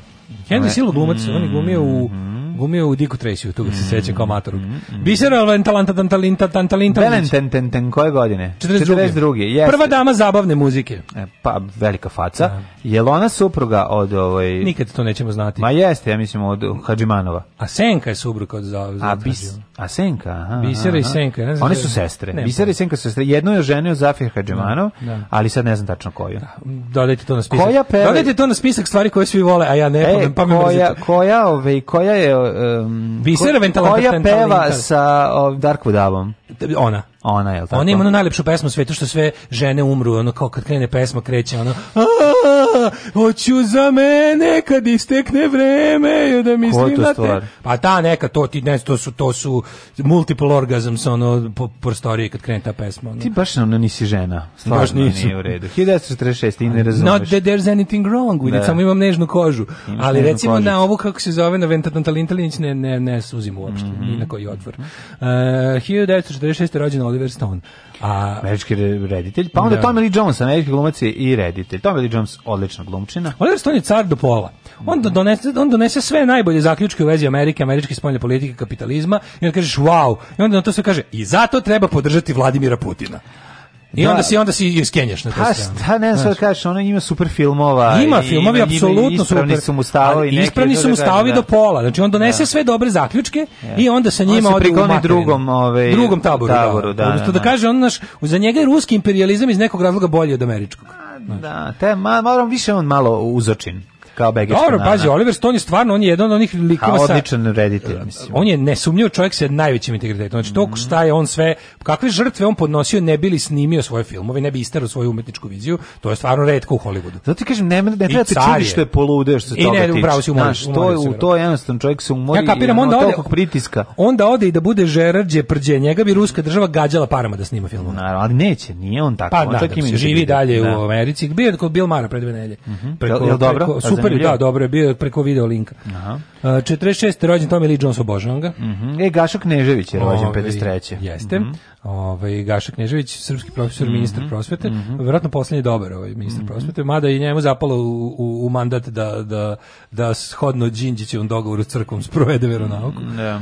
E, Nada Roko, hrvatska glumica. Mm -hmm. Sifredi. Mm, da, ovaj, da na današnji dan, 50 rođena Milanka, Milanka ljubavi moja. Milanka Karić, ne mogu, pa ja kad mi kažeš Milanka, Milanka. Da, Kraljić, da. ja se setim momenta gde ona sedne pored Bogoljuba, Bogoljub drpa za sisu, ona sklanja ruku. Znači, to mi je ostalo... Nemoj Bogoljube, ne jebo mu da, pas znači, malter. ne mogu, ne mogu, jednostavno to je to. Slobodan Kačar, srpski bokser, mm, 57. Mm, Kačar i ofveternik. Da, Sonja e, Savić je na danas. 61. godine. Dejan Savićević, 66. Sonja Savić, najbolji Jugoslan, jedan od najboljih jugoslovenskih glumaca. Evo ga, Dejo, Hugh Cornwell, isti Hugh Cornwell iza Stranglersa, 66. godište. E, pa onda pa imamo... vidi ko je bre danas rođen, Jamezdin. James Dean? Ne. Nego? Dinko Gruhonjić, 1970. Nije Mezdin, nego Sabahudin. Sabahudin, izvinjam se. Da Sabahudin, da kako možeš da ne znaš, to je deo opštene kulture. Zaboravio sam koji je... Ne, ovaj- druže, Dinko Vedra, lica, srećni rođendan. Srećan rođendan, drugo Dinko. Srećni rođendan, e, pa onda ovako, 73. Mm Indira Levak, rođena Vladić, pevačica grupe dabu dibu da. Dabu dibu da. Danas joj je rođen dan ti dabu dibu da. Sve ću joj oprostiti ti dabu dibu da. A, Dragan Ćirić, futbaler, pa onda Jason Terry, američki košarkaš. E, Tom Hardy. Tomaš da. Hardy. Oh, Tomaš 77. Hardy. Tomaš Hardoš. Što je lep. Mađarski porod. A už vidi što je lepo. Najlepši, znači Tom Hardy. A u pičkama materina što je lepo. Aj, jebem ti. Iju, ja bi s njim, ja, ja ti ka, vidi, znači, znaš ti koliko, da mi sad na pustom ostromu ostanemo. Tako, ja bi ti poklako, Ruška Jakić i Tom Hardy. Pa to, ne trebamo nam uopšte još Ruška Jakić. Može neka bolja, sa Tom Hardy može i bolja riba da ostane s nama. Naravno. Opet bismo je otarali u lovi, odali se divljačkom, naravno, snašaju dva, naravno. dva vratnika prirode, prepuštena, prepuštena sebi. dva prava muškarca. Zamislim fotografiju, ne, ti, ti sediš sa puškom, A, ovaj, Može. A Tom, Tom Hardy, či, ljušti krastavac. Imate psa pored. Mi ljušti krastavac. Umesto psa sedi ruška Ne, se Tom Hardy se ne odbija. To nije pitanje jesi li gej ili nisi. Ma nije, to je da, pitanje je, jednostavno ja dobrog bi ukusa. Nekako, njemu, ja bi, to je pitanje dobrog ja bi, ukusa. Ja bi njega zadovoljio bez pederskih fazona, drugarski. Isto, tok, dru, drugarski. Muški onako. Muški, drugarski. Čisto kao, što si jebi s Tom Hardyjem? Zato što je lep. Zato što je lep. Zato što si gej. Nisam, nisam gej, nego lep čovek. Ne. Da. Razumete me kao ljubitelj. Zato si Hrvat, nisam Hrvat, ne. nisam znači, gej. Znači stige, nisam nego Tom Hardy jako Tom lep. Hardy to nije to je čovjek. jednostavno tako. To jednostavno nije slučajno sam se sapleo i seo na njegov penis. I onda on ustoji i seo meni. i nekoliko puta i, tako, i godinu dana napustio prođe vreme, kad je dolazio brod da spase, ja gasio signal. Ruška Jakić pali signal u vatru. A ja gasim. A ovaj da gasi. Da ne nađu. Ostavite Lepo mi je, jevi. Meni, ostavite mene i Tom Hardy. Ja, da. Popeli se na Rušku i Jušku, Jakić napravi splavodnje. Da, da. da, da, da. E, 1978. rođen Pantela. Mhm. Mm pa e, onda Milena Predić. Skoro pa Milena Dravić. Da, 1982. Matija Jakšeković. Mm -hmm. Luka Petrušić glumac. Pa onda rođen Henry Vojvoda od Sussexa. A to je ovaj mlađi sin. Mm -hmm. Sanja Jovanović, je, da, ovo sve, ne, mm. najko je umro. E, moja jedna domiljna porn glumica, sad mislim da je u penziji, Caden Cross. Mm. Um, Caden Cross starica, znaš ti kako... Ona je sa 75 godina već, već u penziji. Da, pa bi ja ga... Ja, drugi to, znaš, da beneficirani radni staž. Kako se gledao. Da, da, da. da. Ove, ovaj, Caden Cross čovječ u nekom, ja gledam neki intervju na nekom, ono baš, ono, bio neki, onako, totalno taj, ono... Studio B. Pa ne znam što je bila neka, neki, neki ono... I... Radio Igora, gde A ne, nego nešto kao neki, neki tipa e channel, znaš, on je entertainment. I kao pitaju, kao po nju, kao šta slušaš od muzike, ona kao ne znam, kao imala... Red imala, Union. Kaže, Steve Little Fingers. Pa bravo, Hvala, carice. Kako kraljica. Pankerka, odlično. Nego šta. Ove, ovaj, uh, Sanja Jovanić, plivačica, Darko Lažević, srpski futbaler. E, umrli. Umrli su Konstans drugi. Mm, pogonat. Isidor Bajić. Mm, čekaj, samo pre toga je umro i Josef Antoine Ferdinand Plateau, belgijski fizičar, čovjek mm. koji izumeo po to je. Ivan Gončarov, ruski pisac, Isidor Bajić, 1915. Izvoli dalje. Mm -hmm. 36. Gustav VI Adolf, švedski kralj. Kad je e, umreo. Zatim e, Đorđe Božović Giška, a to je ubijen 91. Kako bi imaš i Svetozara Pribićevića, pa Tomasa Wolfa od 38. Nemam, dale, čitaj. E, Slavko Kolar, filmski scenarij 63. Mm -hmm. Abdel Hakim Amir, egipatski komandant 67. Jozef Kent Tenih, nemački katolički cvećenik. E, 75. je Pavel Suhoj, Suhoj da, mhm. ruski konstruktor aviona. Bill Evans, pijanista, mm. e, 91. Giška. Srpski kriminalac i osnivač parabojne formacije Srpska garda pod okriljem uh, Srpskog pokreta obnove. To je onaj kratki period kad je Vuk Drašković bio nemirotvorac i bio je ekstrem četnik. Onda kad, je, kad mu je roknut Giška, onda se okrenuo da bude mirotvorac. On je ubijen, u, ubijen sa Čekuši, tako, ispred da. kuće, znam. Ne znam gde su Gišku ubili. Jesu ispred kuće. On nije poginuo junački u Borovom selu ili tako nešto. Mm, mislim da nije. Ali sahrana Giške. U stvari ne, ne, ne, ne, ne, ne, da upravo si. Da ne, ne, ne, ne, ne, pogrešio sam, sa, mislim da sam ga pomešao sa Belim.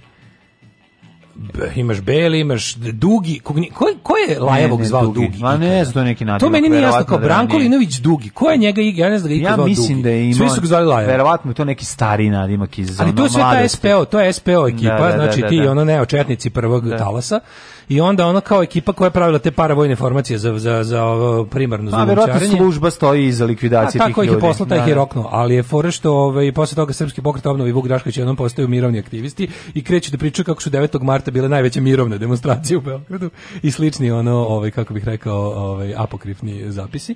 Pa imamo ovako. A, Otokar Varva, češki reditelj 2011. Čekaj, da sam još za nekog čuo. I, e, poginuo je Colin McRae, za njega sam čuo. To ne, ne znam. I ovaj, Oriana Fala Oblači 2006. Mm -hmm. Nju znamo isto. Mm -hmm. A Colin mhm. McRae vozač Relija. Mm -hmm.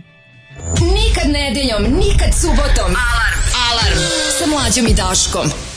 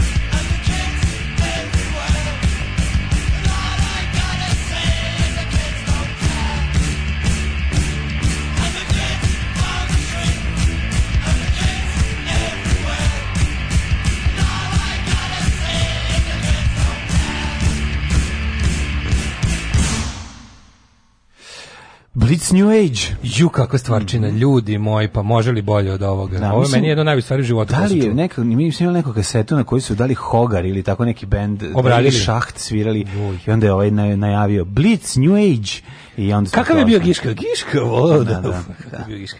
Nemoj da ulaziš u taksistu, da. idemo da imamo vremenske Sviši, prilike i pa neprilike. Me, kako bio Giška? Nemoj mi, u, u, o, idemo, nećemo stići 8 da gasi, i 18. Pa kažeš da gasi cigaru? Gasi cigaru, ulazimo Dobro. u sorvi svet profesora doktora Jugoslava Nikolića, može? Ja, aj što ima dobrih ovaj, poruka, to sad ništa. Ajde, čitaj to. Ne.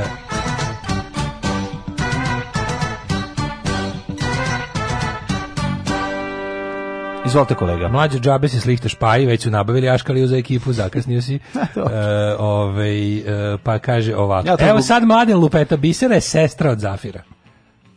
Bisera je sestra od Zafira. A Senka mu je žena. Aha, dobro, pa ne znam, grešim. Ja ovo prihvatam da sam pogrešio, nisam siguran ko je u kako su konstatacije. Ja mislio da su njih dve sestre da se jedna je sada Forca, znam, jer je po tim imenom prošle godine za Ilindan zabavljala masu na gročanskim, gročanskim svečanostima. Mm -hmm. uh, kako ja vas volim, hvala vam na ovom satu, toliko sam se smejala, sad treba ići na sastanak. Prcuk je ovog ste vi normalni, jebo vas Tom Hardy, pa nadamo se, ali neće. Kad smo već kod Toma Hardija, jeste čuli novu pesmu od Stereo Banane? Neko. Tetaruška, evo ti telefon, snimaj. na priču o Tomu Hardiju se od, na odlično nastavlja nova pesma Stereo Banane. Šta je ovo tri, već tri poruke? Daj da nađemo uh, ima, Da li ste čuli novu pesmu Stereo Banane? Pa nismo, evo, tražit ćemo Dobro. da je pustimo. Ove, e, vide sve na Rušku Jakić u gradu, izgleda isto kao 85. kaže Zeka. Da, nije, gledao sam fotografiju Juške Jakić sa početka 80-ih prva polovina 80-ih nije tako izgledala, gotovo i ne možeš prepoznati. Ruška Jakić sad izgleda kao da je žrtva trovanja KGB agenta. Da, kao da, se, kao da jede novičok za doručak. Kao da je dobila taj novičok ono, za mhm. doručak, mm -hmm. tako se... Ono, novičok Ona izgledala... Ona je zaista jako bila onako atraktivna u mladosti. Tako brša je to visoka. bilo u vreme seobe naroda. Pa dobro što to je mhm. bilo pre velikog praska, to je druga stvar, ali je bila. Kaže, znači, nije bila Bisera i Senka su sestre. A šta je na kraju ono? Dobro, ja, bez obrazlog se trpate nas, sad mislim ima Lako je nas, lako je nas ne fanove jedne i druge ovaj. Da, da, da. Aj pitajte me ko je producirao šesti album Ramonsa, pa da vidite, u 3 da ujutru mi to pitate. Da, to se zna. Dizajnirao sam i radio na izvođenju kuće Snowdenovog advokata. Na jednom sastanku sam se mimo išao sa Oliverom Stoneom, kasnije tog dana skontao da je otkupio prava za ekranizaciju njegove knjige o zastupanju Snowdena po kojoj snimim film. Snowden e, inače e, na tom placu gde se pravila kuća nađen je neki bunker mm -hmm. za mhm. koji su kasnije istoričari i arheolozi rekli da je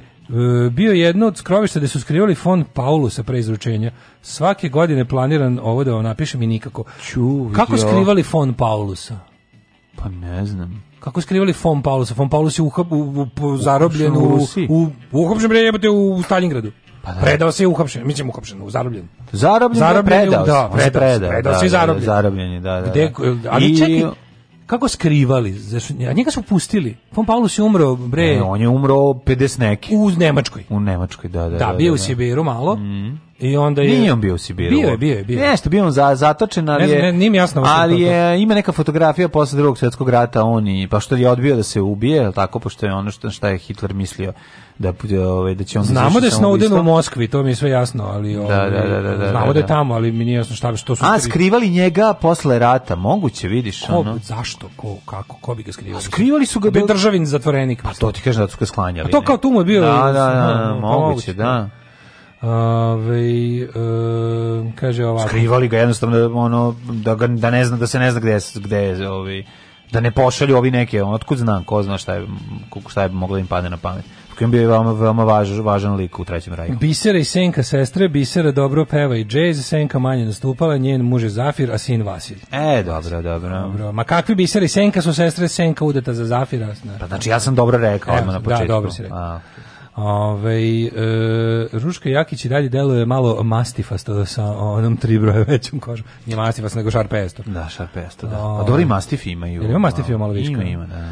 A, e, sad sam vidio vest u američkoj državi Georgia 19 afroameričke borice kupila 97 hektara zemlje i planiraju da osnuju grad Freedom za afroamerikance ne znam kako da komentarišem ovo.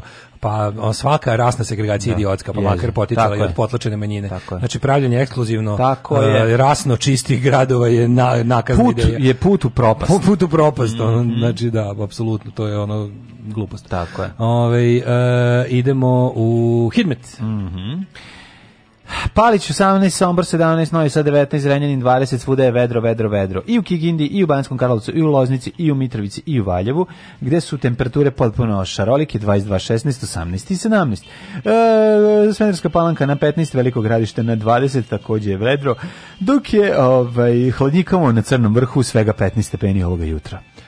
E, Negotin 21, Zlatibor 17, Sjenica 8, mhm. Požega 13, Kraljevo 16, Koponik 12, Košumlje 14, Krušovic 15, Ćuprije 16, Niš 17, Leskovac i Zajčar 14, mm -hmm. Dimitrovgrad 13 i Vranje 15, uglavnom vedro. E, što se tiče vremenskih prilika, uživajte danas i sutra na 30 stepeni, odnosno čvarite se. Ovo ovaj, je u četvrtak već kreće odvlačnost, a u petak 24 e, stepena i e, promenljivo oblačno sa kišom pada, temperatura od subote, vidjet ćemo da oće nam Hoće li homoljsko leto, poznati kao miholjsko leto, da uzvrati udarac? Provedite novu godinu kod kuće. Alarm sa mlađom i Daškom.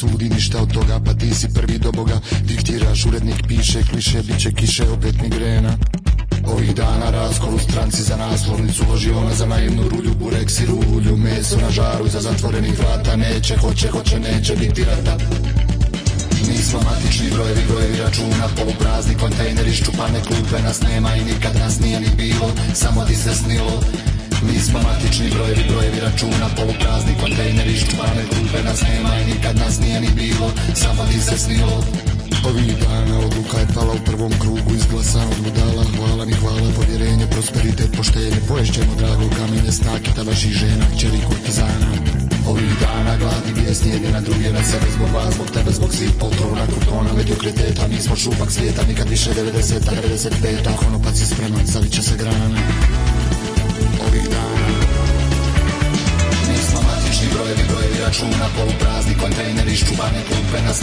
nikad nas nije ni bio, samo ti se snilo Mi smo matični brojevi, brojevi računa, poluprazni kontejneri, ščuvane klupe nas nema i nikad nas nije ni bio, samo ti se snilo ali ste obična bagratsko oca i konopca Da nije bilo rata ne bi imali za graha Hranite ekstreme da zaustave vrijeme Da i djeca budu sluge mržnje gluposti i straha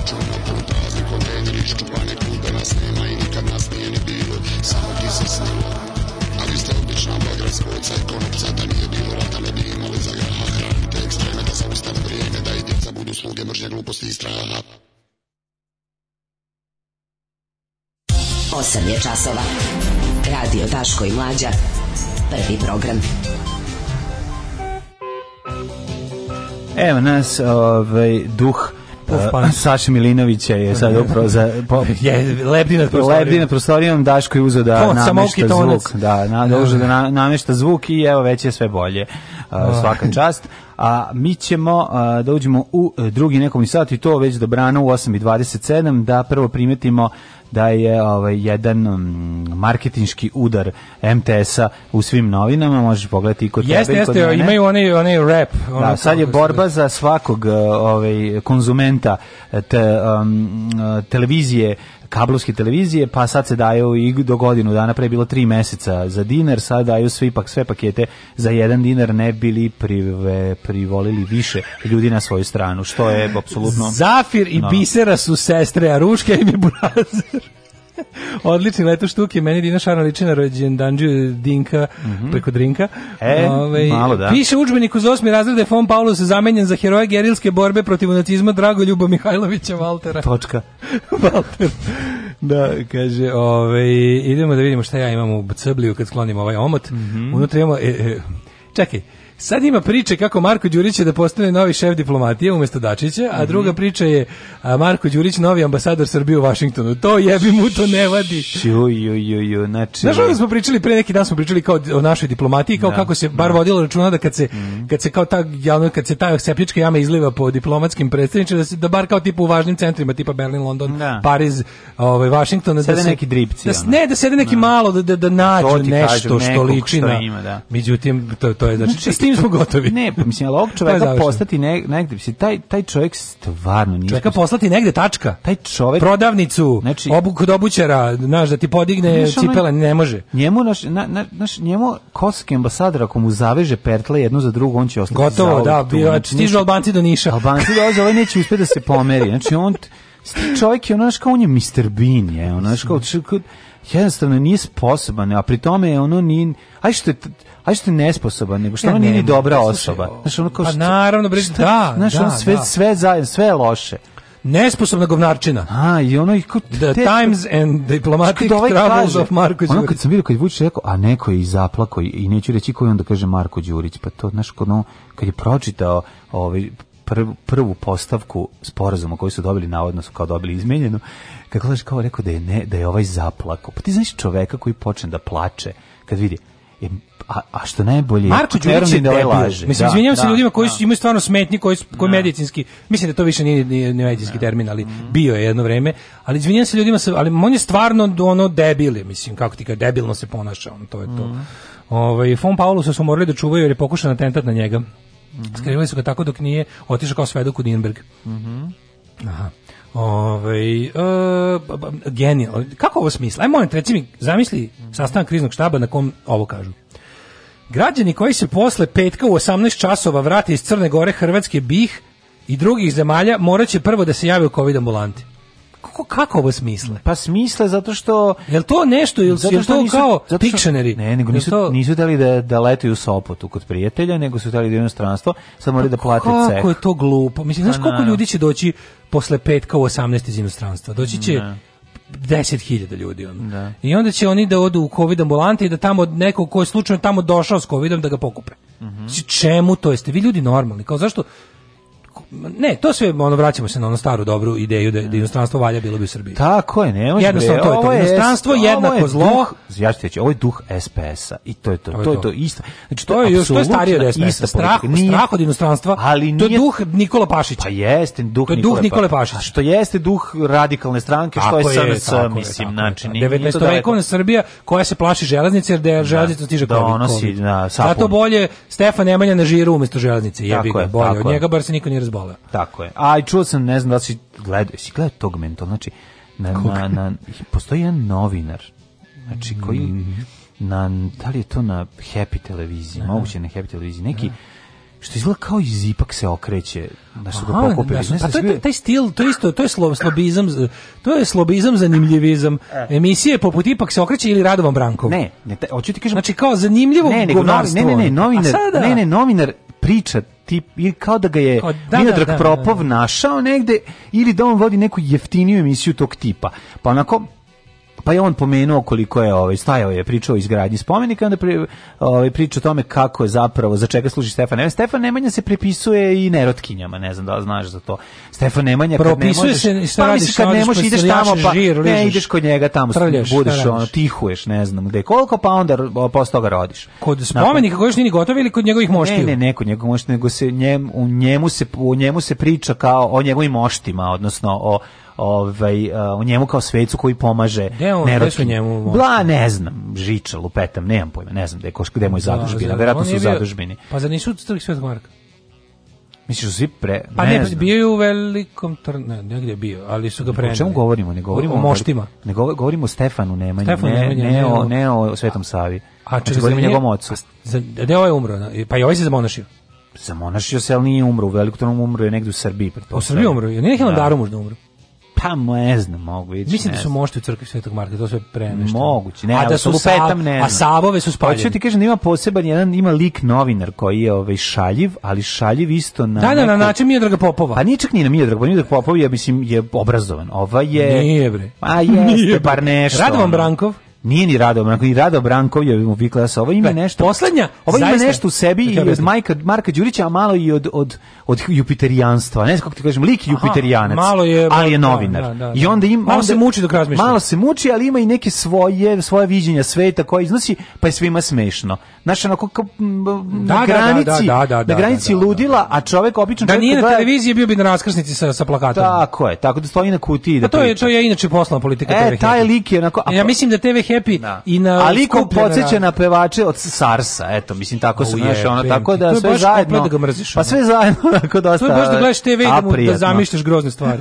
pa prijatno je jako. Tako da, ovaj te sam ti kažem, e, što se tako tiče moramo da vidimo kako je predsjednik Srbije nakon nekoliko pucanja bazukom u nogu sad odlučio da malo popravi e, neko od njegov, iz njegovog tima je verovatno odlučio da on malo popravi svoj imidž u Srbiji, pa je ugostio malu minu, to ćemo vidjeti. A, vidjeti. Mala mina, da. Sad preko Instagrama, da, a ovo je više za, tako da vidimo, no. Da. Mala Mina to je mm -hmm. inače ono to je slično što kao i Čabora Drljača mm -hmm. kad ima svoju sidekick Malu Minu. Jel ima? Pa kako ne, čoveče. Da, da, tako da eto ostanite biće interesantno. Đubraši jedni, đubra, opozicija, sram vas bilo. Maš čučaj, govnari jedno. Maš govnari, dobro nam je dobijemo šećer za 8 dinara. Alarm sa mlađom i Daškom.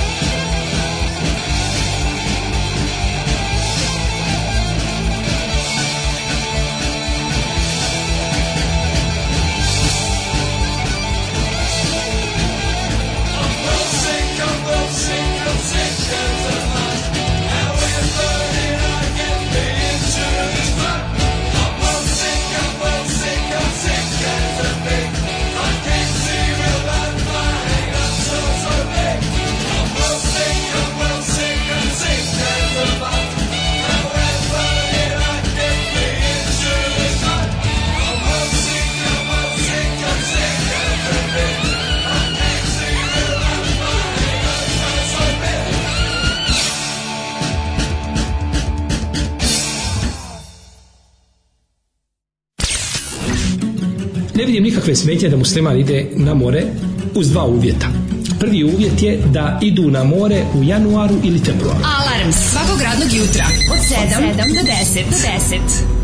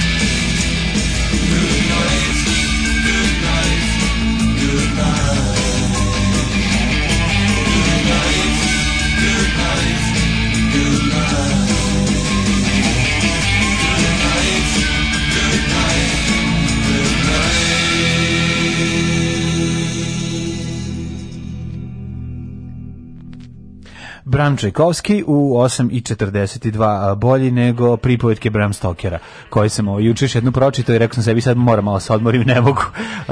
Izvolim ga i sve mi je drago, ali nekako ova, ova mi je bilo toliko Kako banalna si, da sam se... si čovek. Nisam grozno, nego jednostavno ne, čekaj, najviše volim grozno njegov. Si čovek, pa to je klasik, pa to svi moraju da pa ne, pa da, da vole. Pa ne moraju pa kako smiješ da, imaš svoje mišljenje o njemu, A. mimo, kla, mimo uvreženog, i si normalan, džubre. A zašto sada porediš stvari koje se ne mogu porediti? Đubre, ne, ne, ne, nisu tako velik.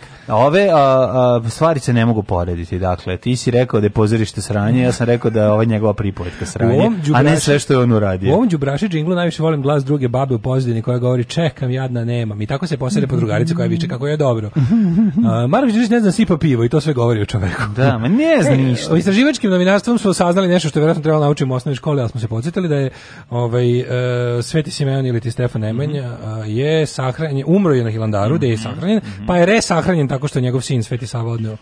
Možete. U, odnemo ostatke u ovaj kako se zove studenicu njegovu zadužbinu mm -hmm. i tamo su sada. Da. Mm -hmm. Neko je rekao i da je ovaj a kaže ovako ide priča. Uh, Sveti Simeon sahranjen je pored Hilandarske crkve iz groba raste vinova loza, grožđe se šalje nerotkinjama u Srbiji. Tako je se da. Sloboda Mićalović rodila, kažu srpski mediji. Da, pa, strašno. Materi, da, ne, strašno. Da.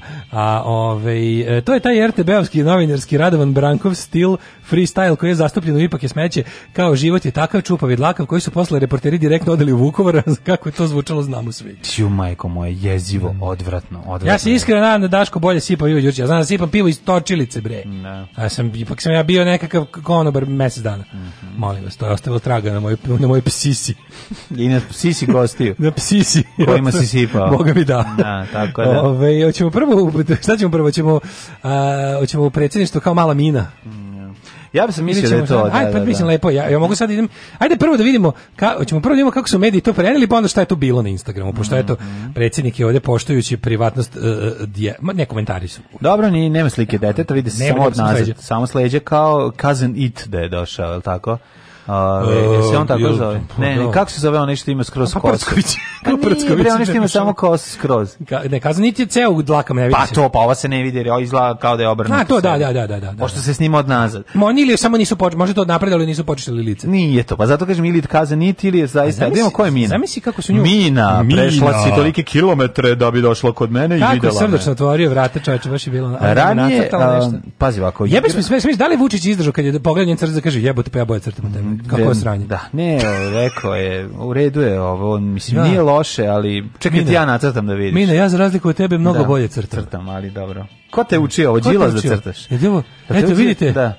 Ovo je klasično crtanje, mislim, ja da. mnogo da. bolje crtam od no, ovoga, ali, ali dobro, neću, to više govori o Sad, Ne, možda izvedio olovku, više govori o njoj koja ne zna crtanje. Možda je dobio olovku, izvedio olovku koju je dobio Trumpa, pa da. pa s njom nešto nacrtao. Kaže ovako, ranije juče Vučić je u predsjedništvu imao važnog gosta, Malenu Minu mm. Minicu, koja je imala 05. želju da ga... 05. 05, da. Na, na, ove, ovaj, koja je imala želju da ga upozna. Devojčica je kako je obleodanjena na Instagram profilu uz zajedničku fotografiju predsjednika otkrila i da želi da radi u predsjedništvu kad poraste.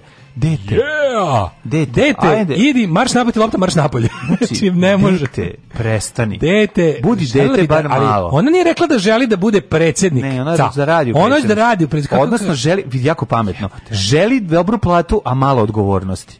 Pa jebem li ga to sad, mislim, kad ono da može... To je kao želim da budem zamjenik direktora Želim da budem Suzana.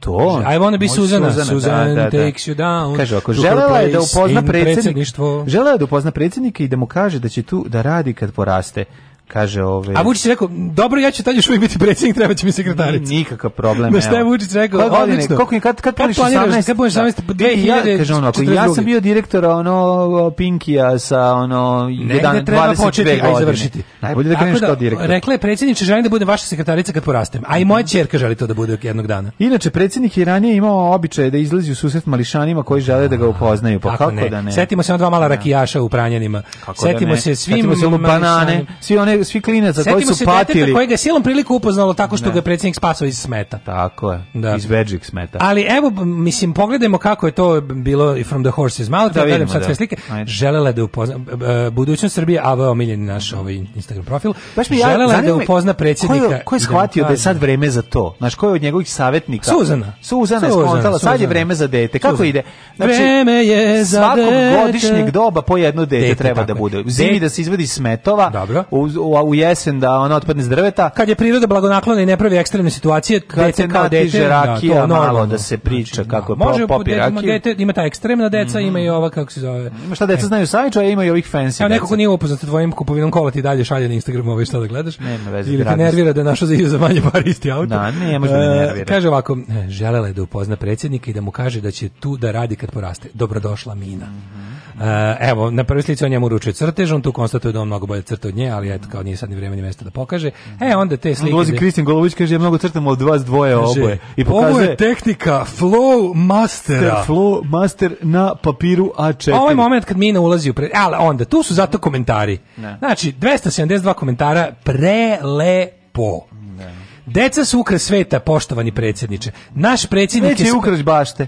Čitat ćemo samo top Leptiri 10. Ukras Ajmo top 10. Ajde. Naš predsjednik je spreman da odvoji vreme za sve nas, a posebno za našu dečicu. Mm -hmm. Jedinstven je. Mm -hmm. Mina je očito veoma ambiciozna, jer nije baš tako lako u tim godinama stajati pored predsjednika jedne države. Bravo predsjedniče, bravo Mina. To je najšarmantniji susret za svakog. Šta vas znači jebote? Ništa ne znači, ni jedan taj komentar. Ovo, e, ovo se desi, znači, ovo, se desi pišu. kada bot uh, uzme da da freestyle. Da, da. Kad mu kaže aj nemoj kad kad kada krene, kad pa krene, znači kako ide. Pa nije nego ne mogu oni nisu ti ljudi Slajno, podvojeni u 700 ljudi pa, pa da napišu različito. Ti ljudi kada dođu tamo prijave se na onaj da. castle i onda krenu da ovaj- krenu da krenu ne, da. Ne, onda da- bude kao danas komentar, znači da botuju, pa znam, vidio Danas komentarišemo odlazak male pozitivno i tri primera. I onda debili ta tri primera copy pasteuju i onda posle nekog vremena. Nisu ni to samo da debili, to su ljudi koji otaljaju taj pa posao da. I onda posle nekog vremena vremena, a da pravi bot, da pravi bot napiše nešto pa pukne sebe ciglom u glavu da izmeni svest, pa onda počne piše kao neko pa, da, drugi, da, da pa onda se sa pleteni stepenice padne, pa ustane pa piše polomljenom, pa malo kuca levom rukom, pa promeni kapu, promeni kapu da bi zaista ono ušao. To je to je to je stvarno. On mora da, pravi bot mora da ima konglomerat idiota u svojoj glavi.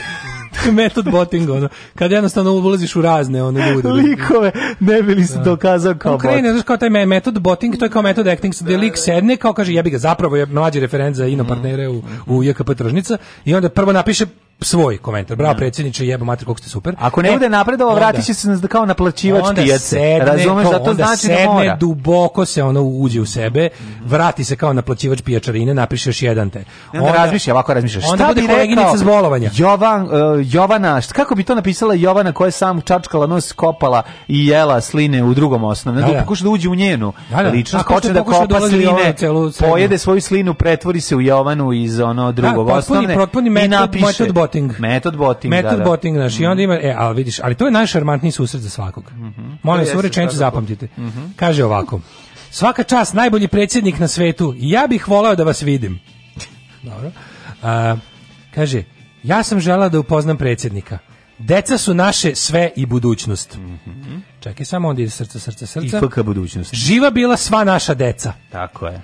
Uh, čekaj, imam samo neke malo bolje. Daj. Za ovo predsjedniče zaista kapa dole. Ma ne, neverovatno. Ne, stvarno, ne, ovo je toliko bilo teško. Pić, ovo je baš ovo, da, da doliti dete na, na, na, na, na, na photo opportunity. Ono. Na, da, na fotkanje, da. Predsjednik, šta reći, koliko strpljenja, koliko šta, šta pažnje za sve. Šta je rekao, kako izgleda, kako bi kao, kad sam ja bio mali, kako on treba da podeli I čekaj, da neki dobar. Kako on savjetuje djecu tih godina, pošto Pa kako njegovo detinjstvo da bilo? Znači, neko ko je Iole bio malo... i malo... Jel priča kako je bio mali u Bečeju, pa su ga zvarali u bure? Jel ima te neke svoje kao... Kad sam Slušaj, ja bio kao ti... Marina Jovičić, jedna potpuno random. Ono... U moje vreme, kad sam imao godina kao i ti, mi nismo imali interneta. Nismo imali ništa. Roditelji su mi ovako pravili se bori, svesku od kore drveta. Mađo, ovako se bori za našu omladinu. I bravo i divno i mini. Pa bravo, sve Uži, borio si, pa onda da. imamo naš predsjednik gde god daje bori se, bori se za našu decu. Hoće li Mina sada biti ja najpopularniji? Predsjednik Vučić koji je ovim pokazao da je i u sadašnjem vremenu naslednik Miloša Velikog. U, ovaj se kolje sa ovaj najšarmantan pre, ono, dosta, dosta jako. Ono. Ja, malo, imaš utisak malo da, da, da, da Vučić nekako žele da nastave Lozo Brenovića. Jel imaš taj osjećaj? Svaka čast našim predsjednikom. Znaš, kažem ti imam utisak brend da oni plaćaju neku ono da, da, indijskog firmu, farmera firmu, ono, da, da, nije rodilo ono farmu botova da. Pir inač nije rodio u Kambodži pa radi pa ove potu telefona i ono pušta se njih. Jeste. Ne. Čast upoznati tako divnog političara koji ima divljenje celog sveta. Ne, genijalno. Odličan Ne, ovo je po... Vidi se da predsjednik voli decu, ali i deca njega. mogu sve njih da pobija, neće. Kako dobar svakog prokletog radnog jutra. Nema crnje generacije od vas, vi ste debili klasični. Alarm sa mlađom i Daškom. Alarm.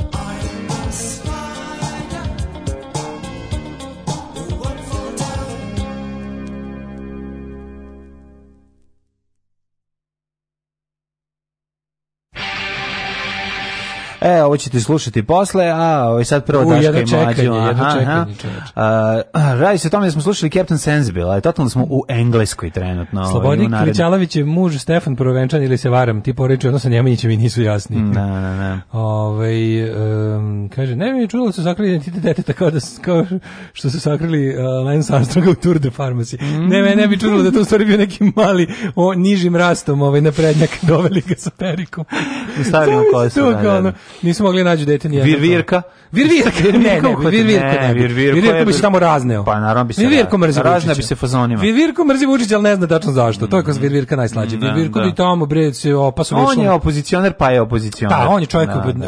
da. A i nemamo vremena za Vučića kad je pukao akvarijum i ribice su se razletele i on jednostavno... Kaže, sledeće slikanje sa psima, mada kaže, bilo je slikanje sa psima, da, molim vas, ne pratite na času. Mm -hmm. Slikanje sa psima obavljeno je pre dve godine. Dobro, ali ima to kalendar to ne... pojavljivanja, naš, ono, kad se mazi, ga... kad se mazi mozak motokultivator, kad se, ono, naš, kao, kad se ide među narod, narod da kad se piju, da je pije rakija. Pas, sećaš onog psa što ga dovnio iz Rusije? Što ga je poklonio Putinu, pa ga Putin, pa ga Putin ostavio. Na, da, na, da, da. To je baš govnarstvo. A bio je i onaj drugi pas što su ga u Rusiji potapali u tečansku u kojoj se diše, ono, ne ona horor slika, sećaš se? Ono što bi rekli, su to replacement Jazovici. Jazovici. Take me back or I'll drown the dog. Da. to da oni imali single. Jo, on neki rani. Ne znam, onaj, ono, onog, onog Jazovića koji, koji diše pod vodom. Da, da, da. Da, da, da to je to. Jezovic. Kaže, mi ovim početak one divne tradicije. Marš Vučićevim rodnim krajem. Mm -hmm. Sad mi žao što nemam debelo dete da mu sklepam pesmicu pa da ga pošaljem tamo da ih izludi. Mm -hmm. Da izludi vođu marša, druga Dodika. Zamisli Dodi koji vodi decu Vučićevim rodnim drug krajem. raja. Da. No, Kaže, pa gde bi išli, znači malo ja malo da Beče i malo da gde oni išo kad je klinac. Potajno loži malo na Vučića. Da. Malo, malo, malo, da, da, da. Fasciniran sam. Jesi ono klin klinca u Hrvatskoj što kao što liči na Vučića, Instagram je ima zapratio ga 10.000 ljudi. Meni smešni ne lik što okačio, što se na Tinderu, ovaj traži curu na Tinderu pa napisao ako ti treba kao devojka, kako ti treba neko kao dobar pouzdano odan, ništa ne smeta ti što ovo količina Vučića, kao klikni na levo ili na desno, kako već ide, da. pojma. I svi su se primili. Da. Oj, ovaj, tri put sam video Vučića, vožda, bolesnika i krimotvorca, na na na na. Ne, da. razmišljam kako bi izgledalo to na taj marš njegovim rodnim krajem. Mislim, on je u odrastao u Beogradu, Ove, tako, ovaj, ali je, da. ali je ali odlazio Čejbe. I odlazio u Bečej. Čejbe, u da. Majčinu. Tako da bi on zapravo imao svoj vojvođanski period života -hmm. a, koji je pretpostavljam pretpostavljam da su njegova leta izgledala pola u ovoj Bečej, a pola tamo negde kod rođaka u Bosnu. I išao je na more. Znaš, je, pa ne, tako, ne, pa i na more. Pa Oni su bili jugoslovenska porodica. Znači, on može pa, sada da. Kenja koliko hoće. On, ja ne znam gde on tačno ne nabasao. Su pat, ja ne znam gde on tačno nabasao na to Srb 190 ekstra, pošto ja ono kao i Keva mi mm. kaže, kao ovaj, koleginica s posla bila mm -hmm. Mati Angelina, bili baš ono pravi, isto, isto, isto porodica koji moja otprilike, ono kao išli na more. Da Da. Ništa, mislim, verovatno imali malo više pare, su bili, jel, ovo ovaj, se kaže, ipak je ova bila urednica u televiziji, mm -hmm. a Ćala ipak bio, ne znam mm -hmm. šta ali u principu jugoslovenska porodica. Mm. E onda Dobro je sledeća jugoslovenska porodica. Pa upper middle class, tako mm bi se mhm. moglo nazvati, da. Mi smo bili lower middle class, oni su bili mm upper middle class. Mhm. Recimo da između postoji još jedan da, stepen, da, da, da. Kao, tipa onih nekih fakultetski obrazovanih, ne znam što moji roditelji nisu, mm ali mhm. njegovi su ono to.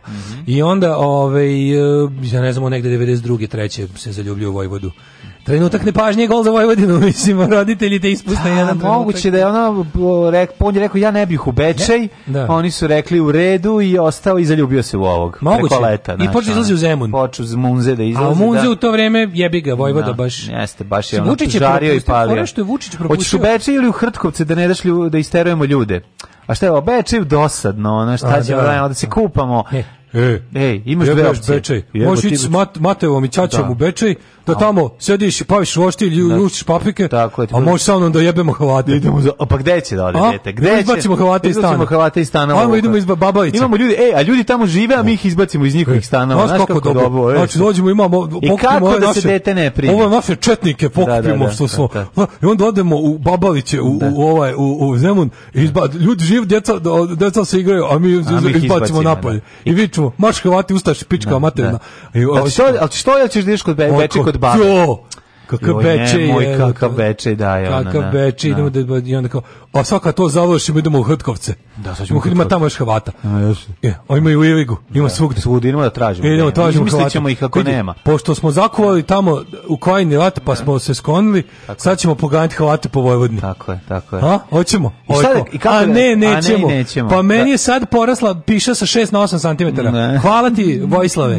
Tata moj drugi. Moj politički oče. Poči spevaću ti na zakletu tebi spevao sam stih. Ne spominjem da, prošlost da, i da, normalne živote daleke. A da je, znaš, ono, pretpostavljam da je njegov život bio potpuno drugačiji, da je malo ranije otkrio čare alkohola, ali on to nije, znaš, tako da je jednostavno svaki, svaki put je bio stramputica. Nego, ove, ovaj, učiteljica šetala prvake izbijene i bez maske, haos u Kosjeriću, svi, mm, malo, malo ovaj, ovaj, ovaj, ova panika koja se digla u Kosjeriću i svi hoće online ove, ovaj, da prebace djecu, jer ova nije pazila. Neko, Nešto imam utisak da, da, da kod dece nošenje maske u tih nižim razredima apsolutno nije, ničemu ne služi. Ničemu ne služi da, da. Ne, naravno, ničemu ne služi. aj to što ste ih odvojili fizički, da, ali ono kao ti znaš da će klinci, mislim, prvo što će drpati tu masku ceo dan, pa će ono, još će biti veće, veća verovatnoća će gunuti prste potencijalno zaražene unosi u Ma ima ono što neko rekao kaže e došao po dete u da, školi da, ovaj kaže s drugom maskom kaže, se. Pa ja sam se menjao sa Stankom, Stanko da. sa Perom, a Tamara da. nam je ku, Tamara nam je dala dve maske pa smo se da, neko, da, eto da, maska. je, da, da, da, to je.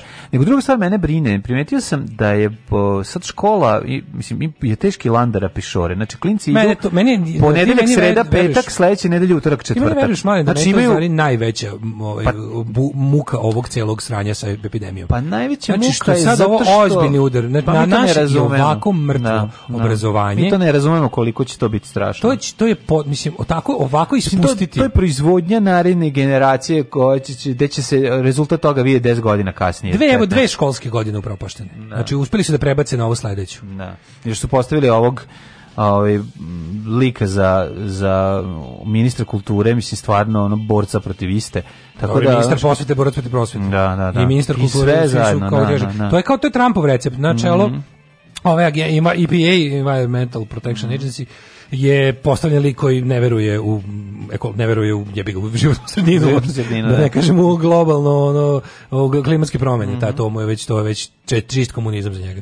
Ali ovo ne veruje čovjek uopšte da postoji životna sredina, nego da se može živjeti na, u nelonu. Ne, nego razmišlja kako će kako izgledaju sad dani klinci, pošto pazi prvo su časovi su jednako skraćeni na 30 minuta, znaš, to to je mm, mislim da je ovo jako jako loše i da ćemo tek posle toga vidjeti mnogo godina kasnije A ove, šta deca i rade inače sad kad imaju ovako slobodno vreme, to je isto pa, veliko Mislim, ne, to je užasno. E, problem sa ovim tim online nastavom, znaš šta je tu jako tužno? što su nastavnički kadar crkava od posla, pa crkva pa naravno. I onda kada krenu da rade vide da to mislim narodski rečeno zakurac, mm. zato što oni pripremaju to stvarno vidim da se ti ljudi jako trude. Naravno se trude, bre lome međutim, se, ali međutim mehanizam sa postavka, način na koji se to je ono je ono sprovodi obesmišljava njihov trud. Mm. I onda je fora što na kraju ti kad vidiš zapravo, kad čuješ iskreno posle tri dana tog kao imunisanja, vidiš kao Mislim, naravno sve opet spada, to može se tako nešto naučiti ako je dete užasno pametno, motivisano i bistro, što uglavnom nije slučaj. To je jako smešno, mislim, ta priča, kako bi rekao, to, obrazovanje je napravljeno, da napravljeno da odgovara s prosečnom detetu. Svak, svaki profesor, jako da. mu je lepo da radi sa nadarenom decom, mislim, da, to je da, pesma. To, to, to je pa makar preko ekrana. Aj ti Ali, ono slavišu, da, da, da, da. Uh, šarenog artika, aj ti slavišu ovog nekog, ovaj, slavišu primjera. Nauči primjera, slaviša primjere, izvinjam se šarenu, što sam odabrao to ime, sasvim slučajno O, ovaj, daj njega nauči naš. Znači. Dok slavi, dok ljubiša, ono kopa nos, kopa nos i, i razmišlja o him, a bar da razmišlja o himenu, ne razmišlja ni o čemu. Ne, ali fora u tome što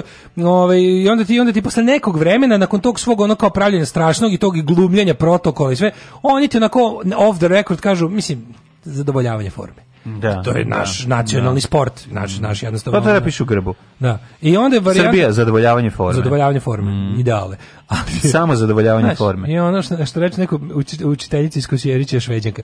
Prolazi vreme, sve jasnije, Švedska je uvek u pravu. Pa da, dugoročno je Švedska u pravu. Švedska Mada je imala je ona jedan kuršlos kad je izašao i ovaj da. rekao zajebo sam se, lažirao sam i da. tako, nemoj, bilo Nije, nije, nije neko lažirao sam, nego je rekao... sam čabrirao sam, ne rekao, pogrešio nije rekao, sam. Nikada nisu lažirali. Da, Samo da. su rekli, tako, možda smo ovde mogli spasti mm. više ljudi, ali prosjek umrlih 82 godine. Mm. Mislim, znam da to zvuči grozno kad kažeš, mm. ali kao, znaš, prosek umrlih 82 godine, mi u Srbiji treba tek da dostignemo mogućnost da nam ljudi umru od korone 82 godine. Mm, Jer da. kod nas ljudi kraće žive. Mm, da, Mislim, znaš, da. mi treba da popravimo životni standard da nam ljudi od 82 godine budu ugroženi od korone dosta tužna situacija, tako yes. da ono, znaš, e, zapamtite reći dva švedska patriote koji su videli švedsku šest dana ukupno. Nemo no, to kada sam švedsku duše. Kažem u prosjeku, kad uzmemo mojih 16 sati i tvoje tri nedelje, pa, to bude šest dana. Ja sam bio tri puta u švedskoj, po, po da, Pa, pa sigurno po 10 dana. Pa da. I da. U, to onda u, podelimo sa tobom, Samo im jednim popodnevom i prespavavanjem, jest, to budeš 7 dana. Spavanje u Švedskoj. Čuveni knjiga, u knjiga Daška Milinovića. Zapamtite reči, naša domovina koju nažalost sledeće živimo, sledeće Sledeći automobili koji će biti Saab i Volvo, to moramo se podelimo. Može, Znači, kao onaj, druge, si gledao onog majstora. Kako se zove bre ovaj? Kojeg? Da, da, dobri čovjek uve ovaj. Mm -hmm. tu, mhm. kad se posvađa sa sa komšijom što je kupio Volvo. A, Znaš da ima ono... Ta, tart, koji film? A ne, bre, dob, dobri, dobri čovjek, čovjek, po, čovjek po imenu Uve. Čovjek po imenu Uve, znam, da, znam, da, znam, da. znam, znam, da, odlično. Pitanje je samo dana kada će doći ljudi iz svemira da nas posete. Alarm sa mlađom i Daškom.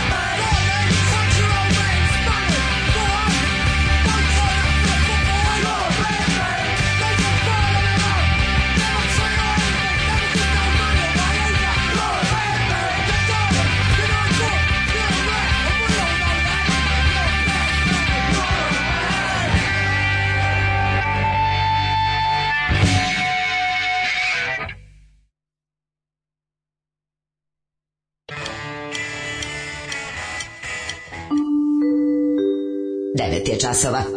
Radio Taško i Mlađa. Prvi program. Ramo, ramo, druže moj, čućete posle ovoga. Ramo, pa ramo, kasnije, tako je.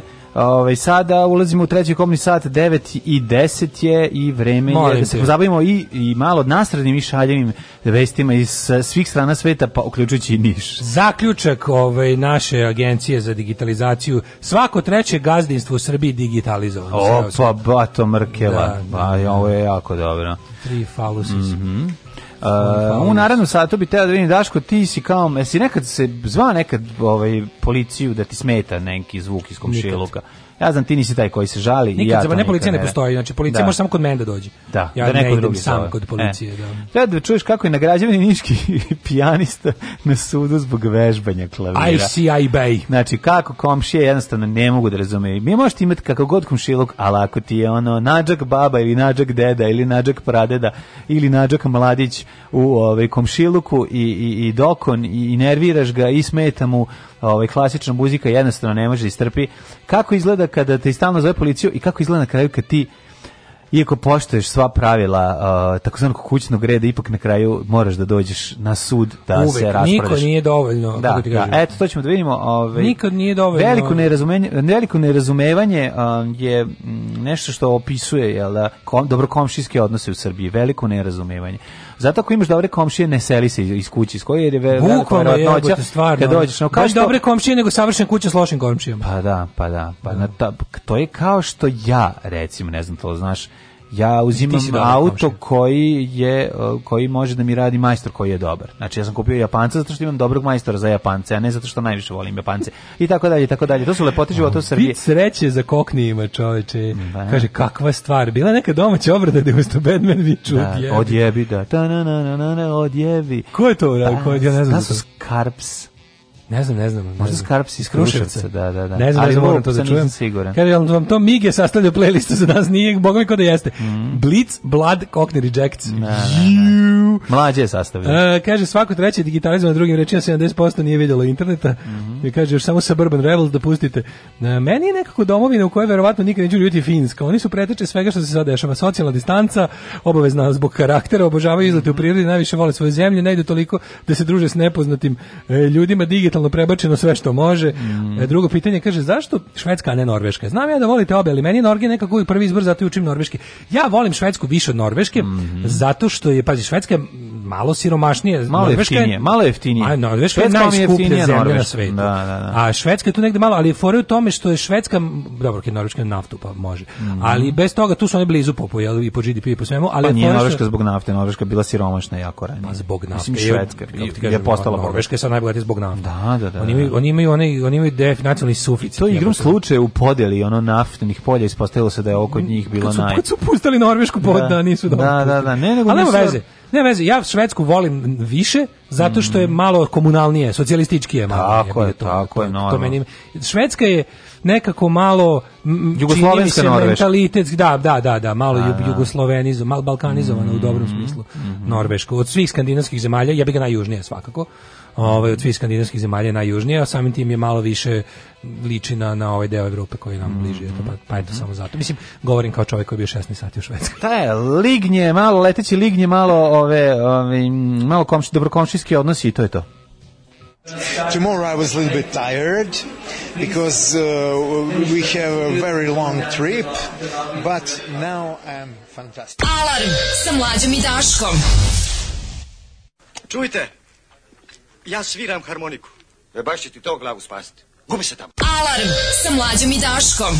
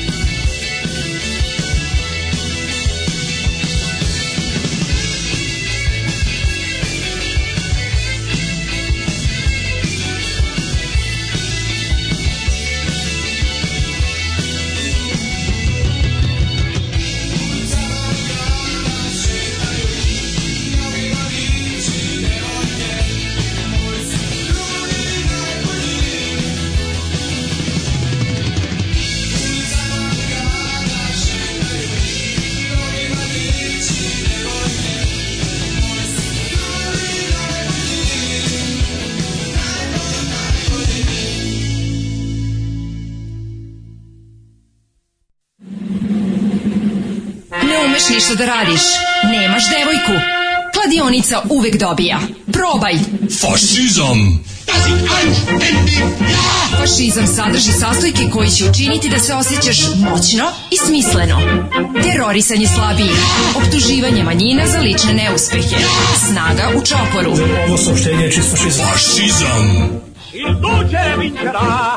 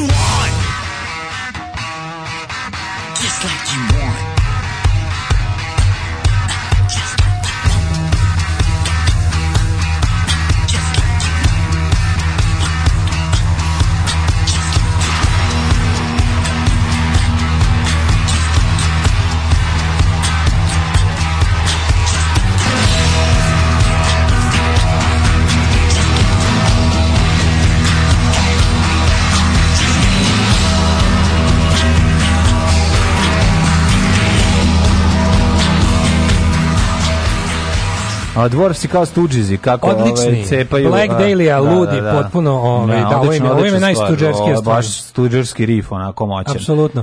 Nego da. vidim da si sad obavio jedan ta kradak razgovor, uh, po, ponizni razgovor sa kurirskom službom. Pa dobro, da, kako je, stigla mi je poruka, a sad ne znam ove. Ovaj- jer, jer prije, postaje, smo ili privatnik? Ne, ovo je aks. Aha, znači mora si, jesi bio dovoljno ponizan da ti učini da ti isporuči tvoju poruku. ne, nisam bio u tom fazonu, nazvao sam čim je stigla poruka da kažem da ću ga navotati ja posle. Ja sam konačno razvio diplomatske odnose sa mojim pošta mhm. ekspresarem. Mm -hmm. Nadam se da neće skoro menjati jer sad imamo varijantu da To najbolje koga poznaješ, zna gde ti ostavi to reši. Zato me porisim broj da, Čoveković da, ono koliko puta znači. Odete negde na piće. Samo da ne, ma šta god treba, mi spreman sam i na da. Tom Hardy. Pusto, ovaj. vjerojatno sam pusto ostrov s njim. Za pošiljku da, mislim da se da da ne idem na poštu juče sam.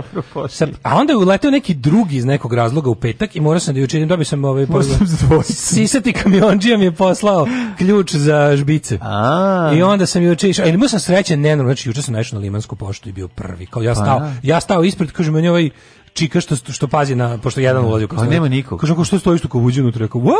I ona kao ne mogu da. I svaki put kao da je prr. Tako da to bilo ono divno iskustvo koje se retko dešava. Dale, na Limanskoj pošti. Drale, selimo se u bratski Niš. Bratski Niš. Nagrađivani niški pijanista na sudu zbog vežbanja klavira, komšija ga prijavio zbog buke. Kaže kao da sam neki huligan, tako svoj slučaj opisuje. Nagrađivani talentovani pijanista iz Niša vladimir Vladimira vladimir Ćimović. Vladimira Ćimoviću, nemoj sebe da pređeš huliganima, da. huligani ne odgovaraju ni za šta. Tako je, huligani su a vojska u službi e, režima, režima tako da e, to nije prvo to. poređenje s huliganima ti je jako da. glupo i nemoj, mm. mislim, ne, ne mm-hmm. stoji jednom pametnom akademskom građanu da tako glupe a, ovaj, da. ovaj poređenje pravi. Inače, ovaj čovjek ima 18 godina, stipendista vole za vane talente Republike Srbije, 50 godine ne živi u Nišu, e, a kad je tu svira svakodnevno, jer mora da vežba, da. kaže, da. međutim, kaže, ovako, pazi, ja, naravno, sve, sve komšije, osim jednog, ovaj, mogu da istrpe to njegovo muziciranje. A komšije mu stole udbaš jebi ga znači. Ali ne može, ovaj, jer ga jedan on njih prijavio da narušavanje, narušavanje javnog reda i mira i ovaj, ugrožavanje mira i spokojstva građana. Majko, Kaže ovako,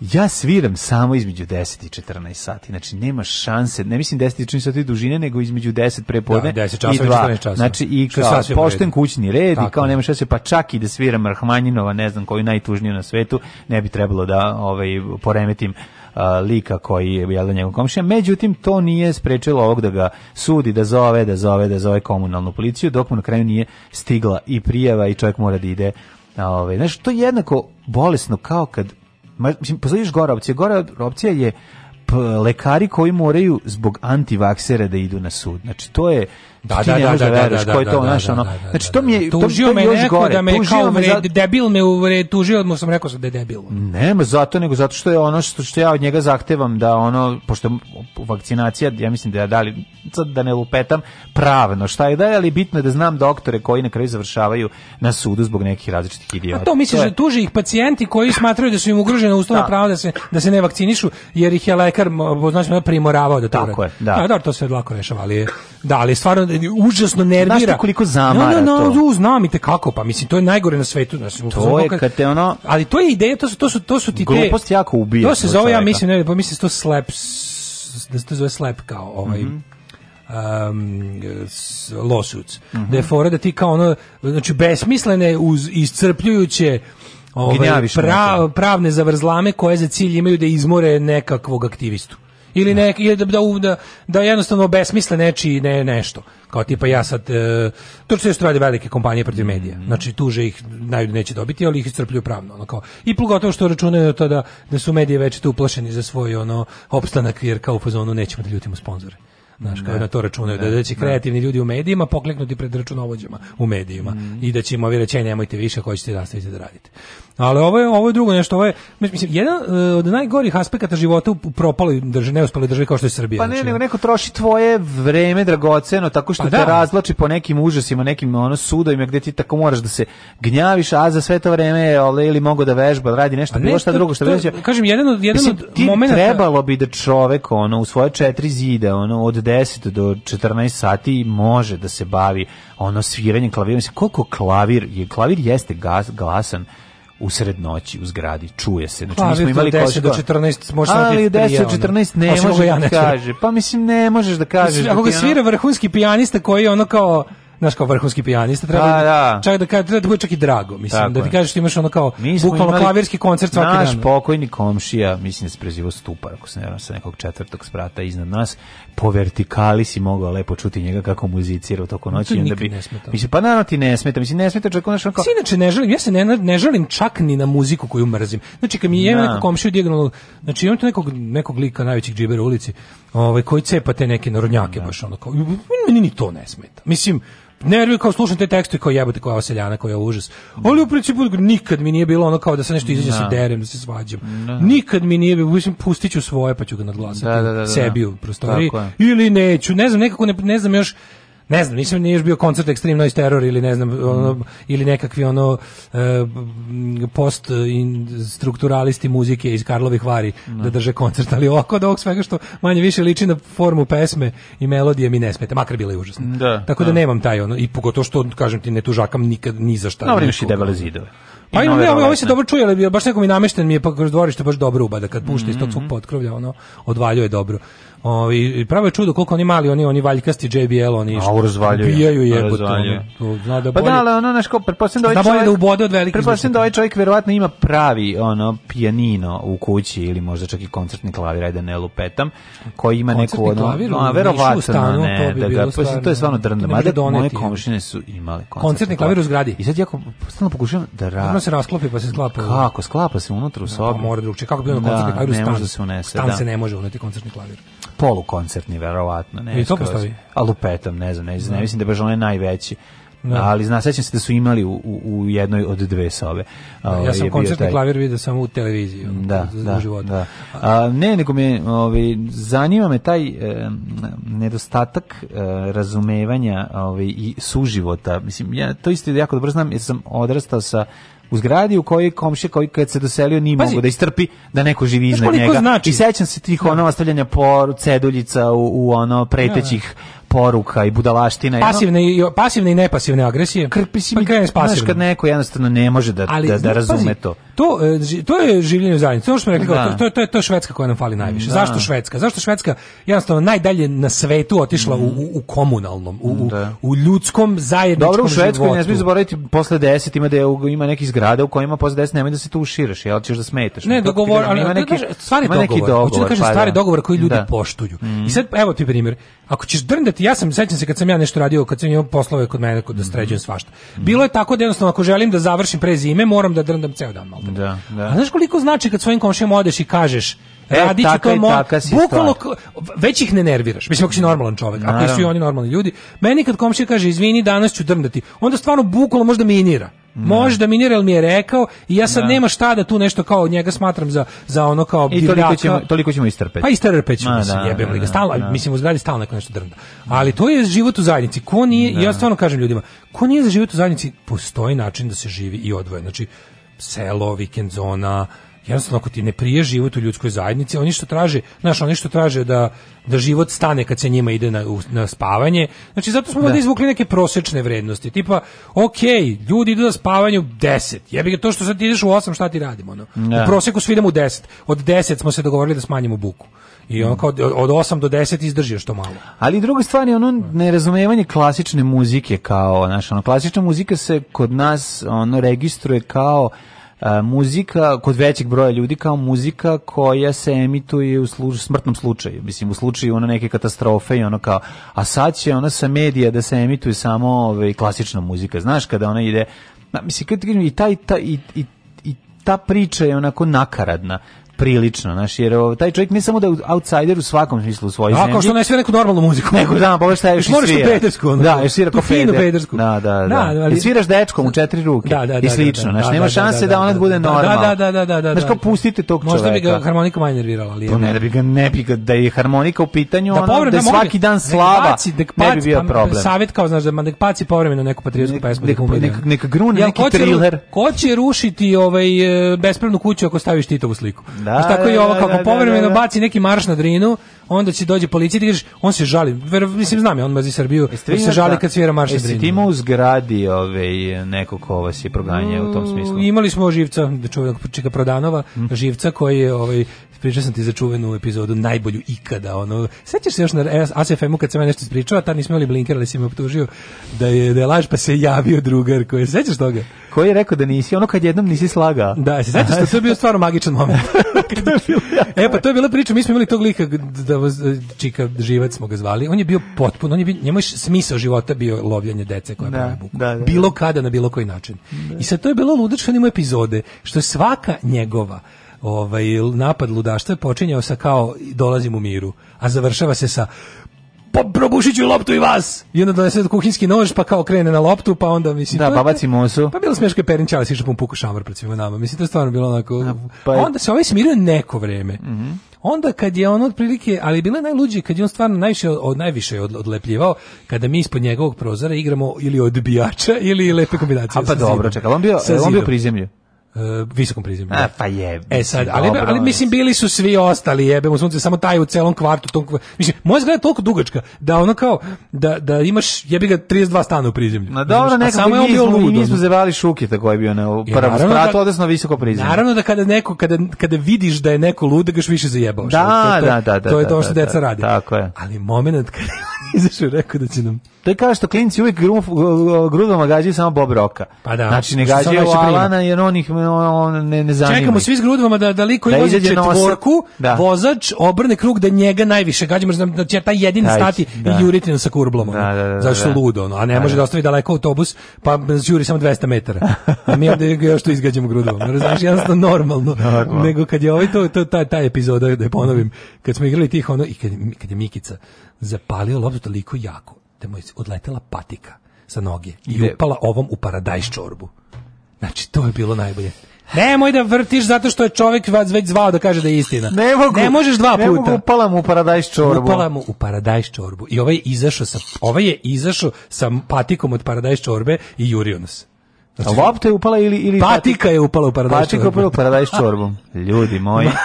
Znači, Seća se da smo to da su ti pričao na pre 10 godina decu. i da su se da se a da se ubacivač patike javio da, da se javio da Daško iz WC ja drugim glasom da kaže Nije, Miroslav a, Kisačan Miroslav, Miroslav Kisačan je ubacio patiku prodanovu u čorbu Opa, pardon. I sad me pogodio. I sad sam još gađao. Pa ljudi, ja ne znam šta da radi s ovim čovjekom. I milion puta sam rekao međunarodnim predstavnicima, ne može organizator je počeo žica Umisto mesa može li pizza Može li balantajn umisto džeka Evo ti šta sam mu reka Reka sam Ne može Ne može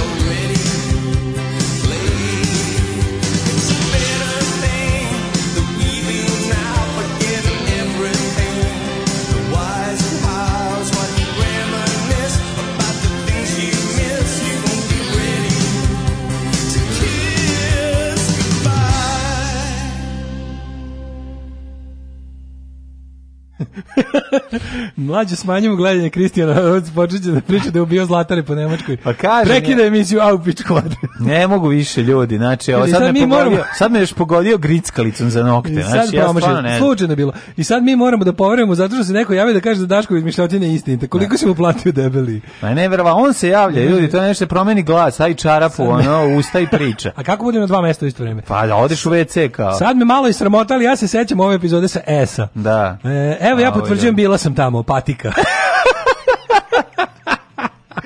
ali da je upala u čorbu, pa to je takva dečija izmišljotina. Mlađo, pa to je, znači, zato što je stvarno je jako nevjerovatno, je, ali je istina. Jo, znači, Vukov, zapamtite, čorba, mlađo, patika u čorbi, patika u čorbi su drugi, ono Vukov iz golije. Znači. Kunem se majkom. Znači, to je stvarno istina, upala patika u čorbu. Jedina istina iz tvog djetinstva je da si povraćao od zavisti što drugi imao avion i to je jedini istina, sve ostalo laži. Laži da je mlađe kupio auto. lažemo sve, sve lažemo za potrebe programa. I bi izgleda da bi, da bi ovo zvučalo bolje.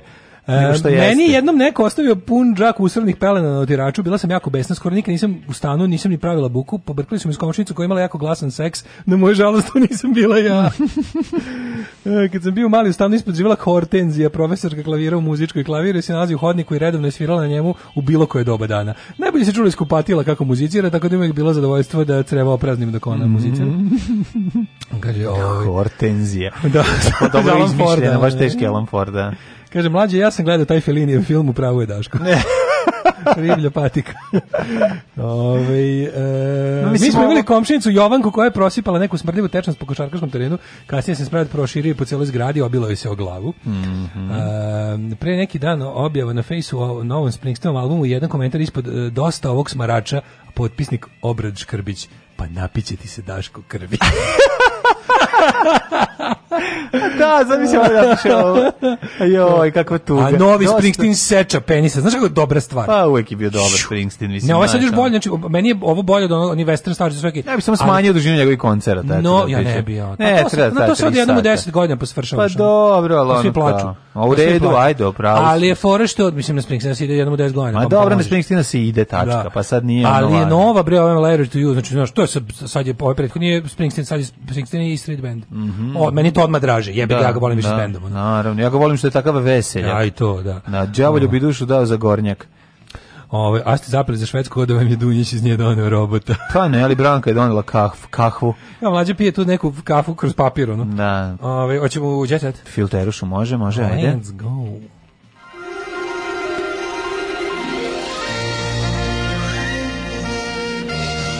Jet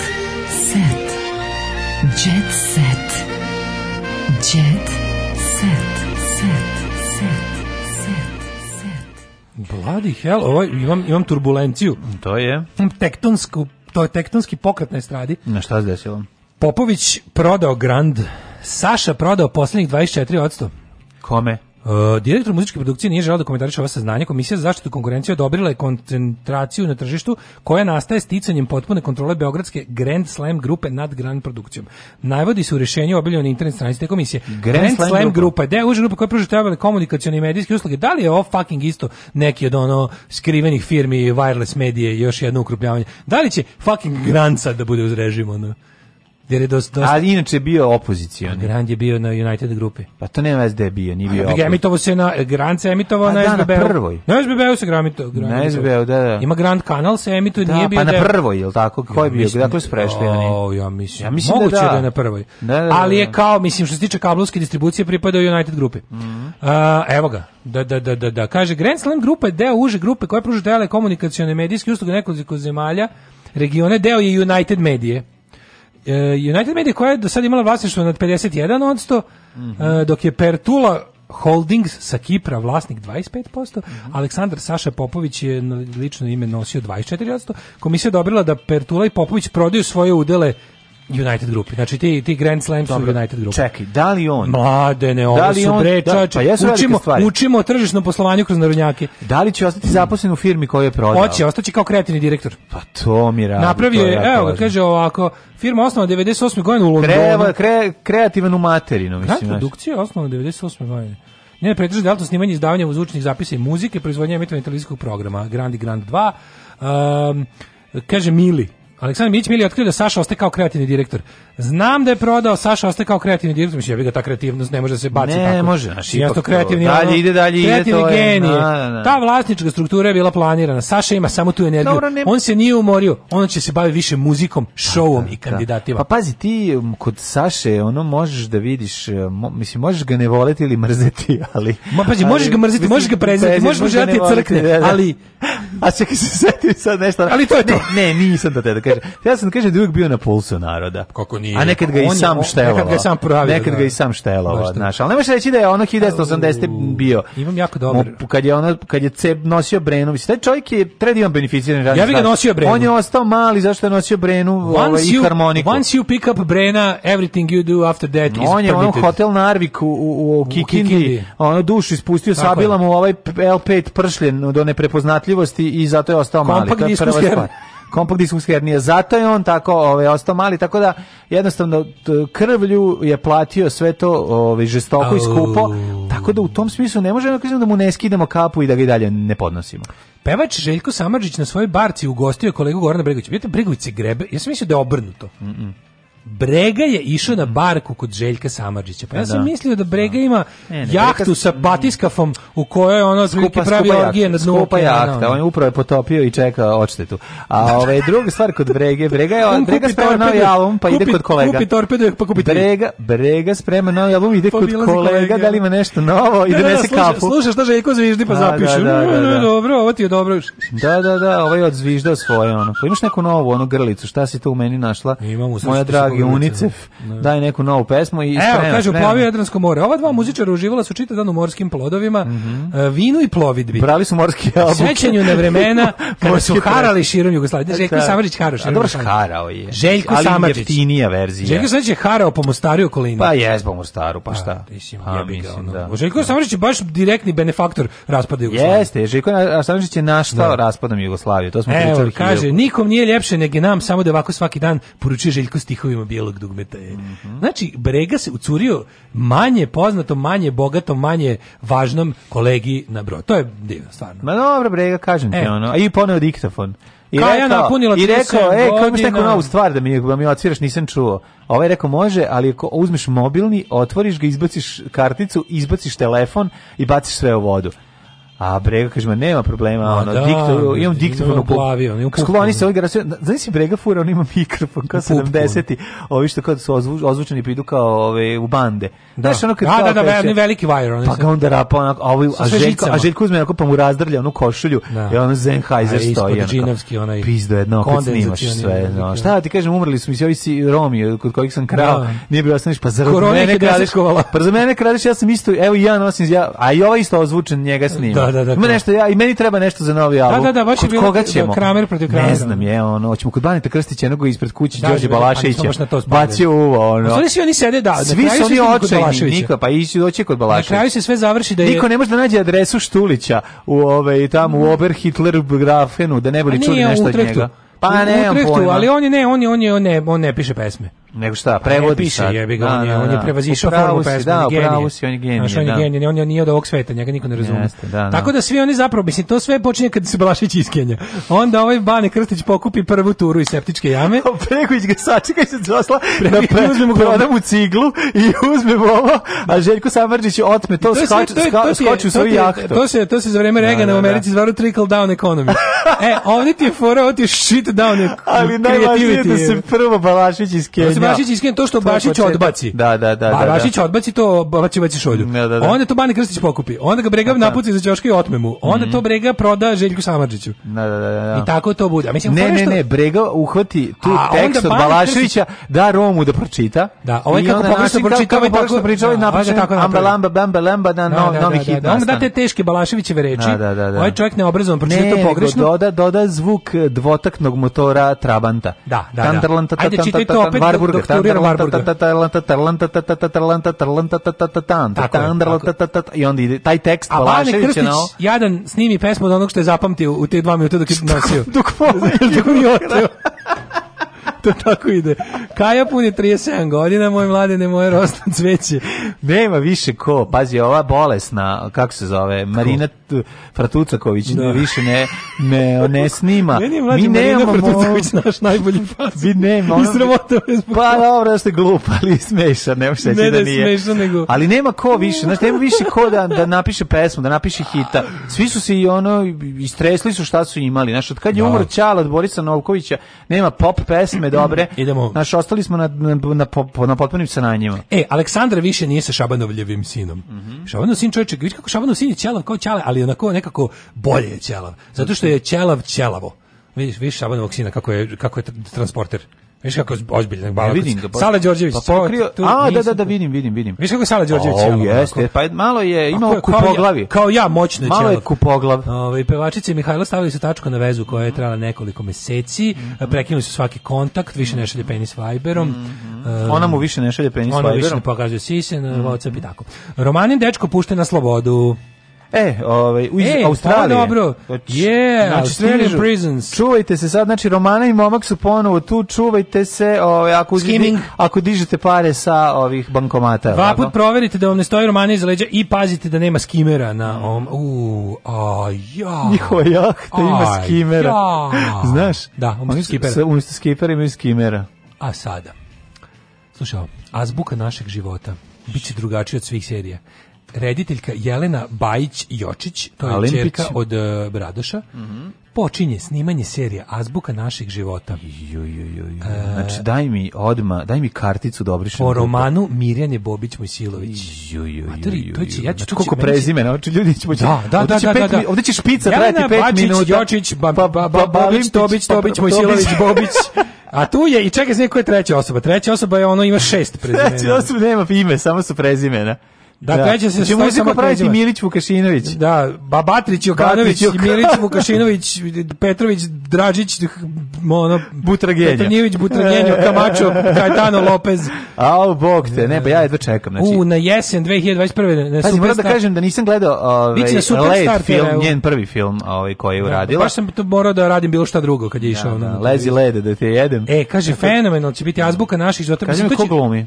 Pa glumi Petrović, Đorđević, Marković, Mitrović, Stošić, Karanović. A šta Karanović. čerka Radoš Bajića bila, bila, čerka Radoš Bajića bila kod prozora porodice Pavić. Jeste. I slušala Isto razgovor tako. između Siniše i pa, Ljiljane. Mislim, Radoš je već bio kopo po kati Pa to ti kažem, Radoš kopo po Siniše ono Pavić. kad ove iznese đubre pre nego da, što da, da, da. čistači pokupe. U, ovaj, ovaj, ovaj roman mi se ne sviđa. Opa, evo, ga, evo, evo, meni Evo, evo meni, nemoj golem dupetom u koprive 2. Evo, ne može odgovor onda pita četiri, ajmo, idemo, snimaj, rokaj snimaj. Uglavnom... Snimam, ovaj- tuđim kurcem gloglinja mlatim, nova je, serija Radoša Bajića. Aleksandra Janković, prvakinja ateljeja 212 mm -hmm. da mhm. glumi. Mislim, nju su jedno prihvatili zbog samo jednog prezimena. Ove, ali nekako ali promenio je naziv serije, da nema se zove se bez penisa u svatove. Nema veze. Da, da, bude, da bude narodski. Da se vlasi dosta. Da, da, da, odlično. Uglavnom, biće, ja, ja ga očekujem, ja očekujem da će ova serija biti nešto najgore. Ova serija da će da biti, ću da. ono dobiti da, da, da. mizerere. Zaborit ću sve, zaborit ću azbuku i abecedu i sve što sam ikada Googlete znao. Googlajte šta je mizerere. Ovaj mm -hmm. Jelena Gavrilović otvoreno o promenama zbog korone. Mm -hmm. Imam online castinge. Opa, ja sam gledao mnoge online castinge, ne znam to tako. Dosta su Na žutom kauču. Da, da, da. Ne se, e, Samo je važno da se poja, pokaže lična karta na početku i sve ostalo može. Jako može. Aj zdravo. Ćao. Oh, Tekst čitali Mladin Urdarević mm, i Daško Milinović. Ah! ton majstor Richard Merc. Realizacija Slavko Tatić. Urednik programa za mlade Donka Špiček. Alarms svakog radnog jutra od 7 do 10.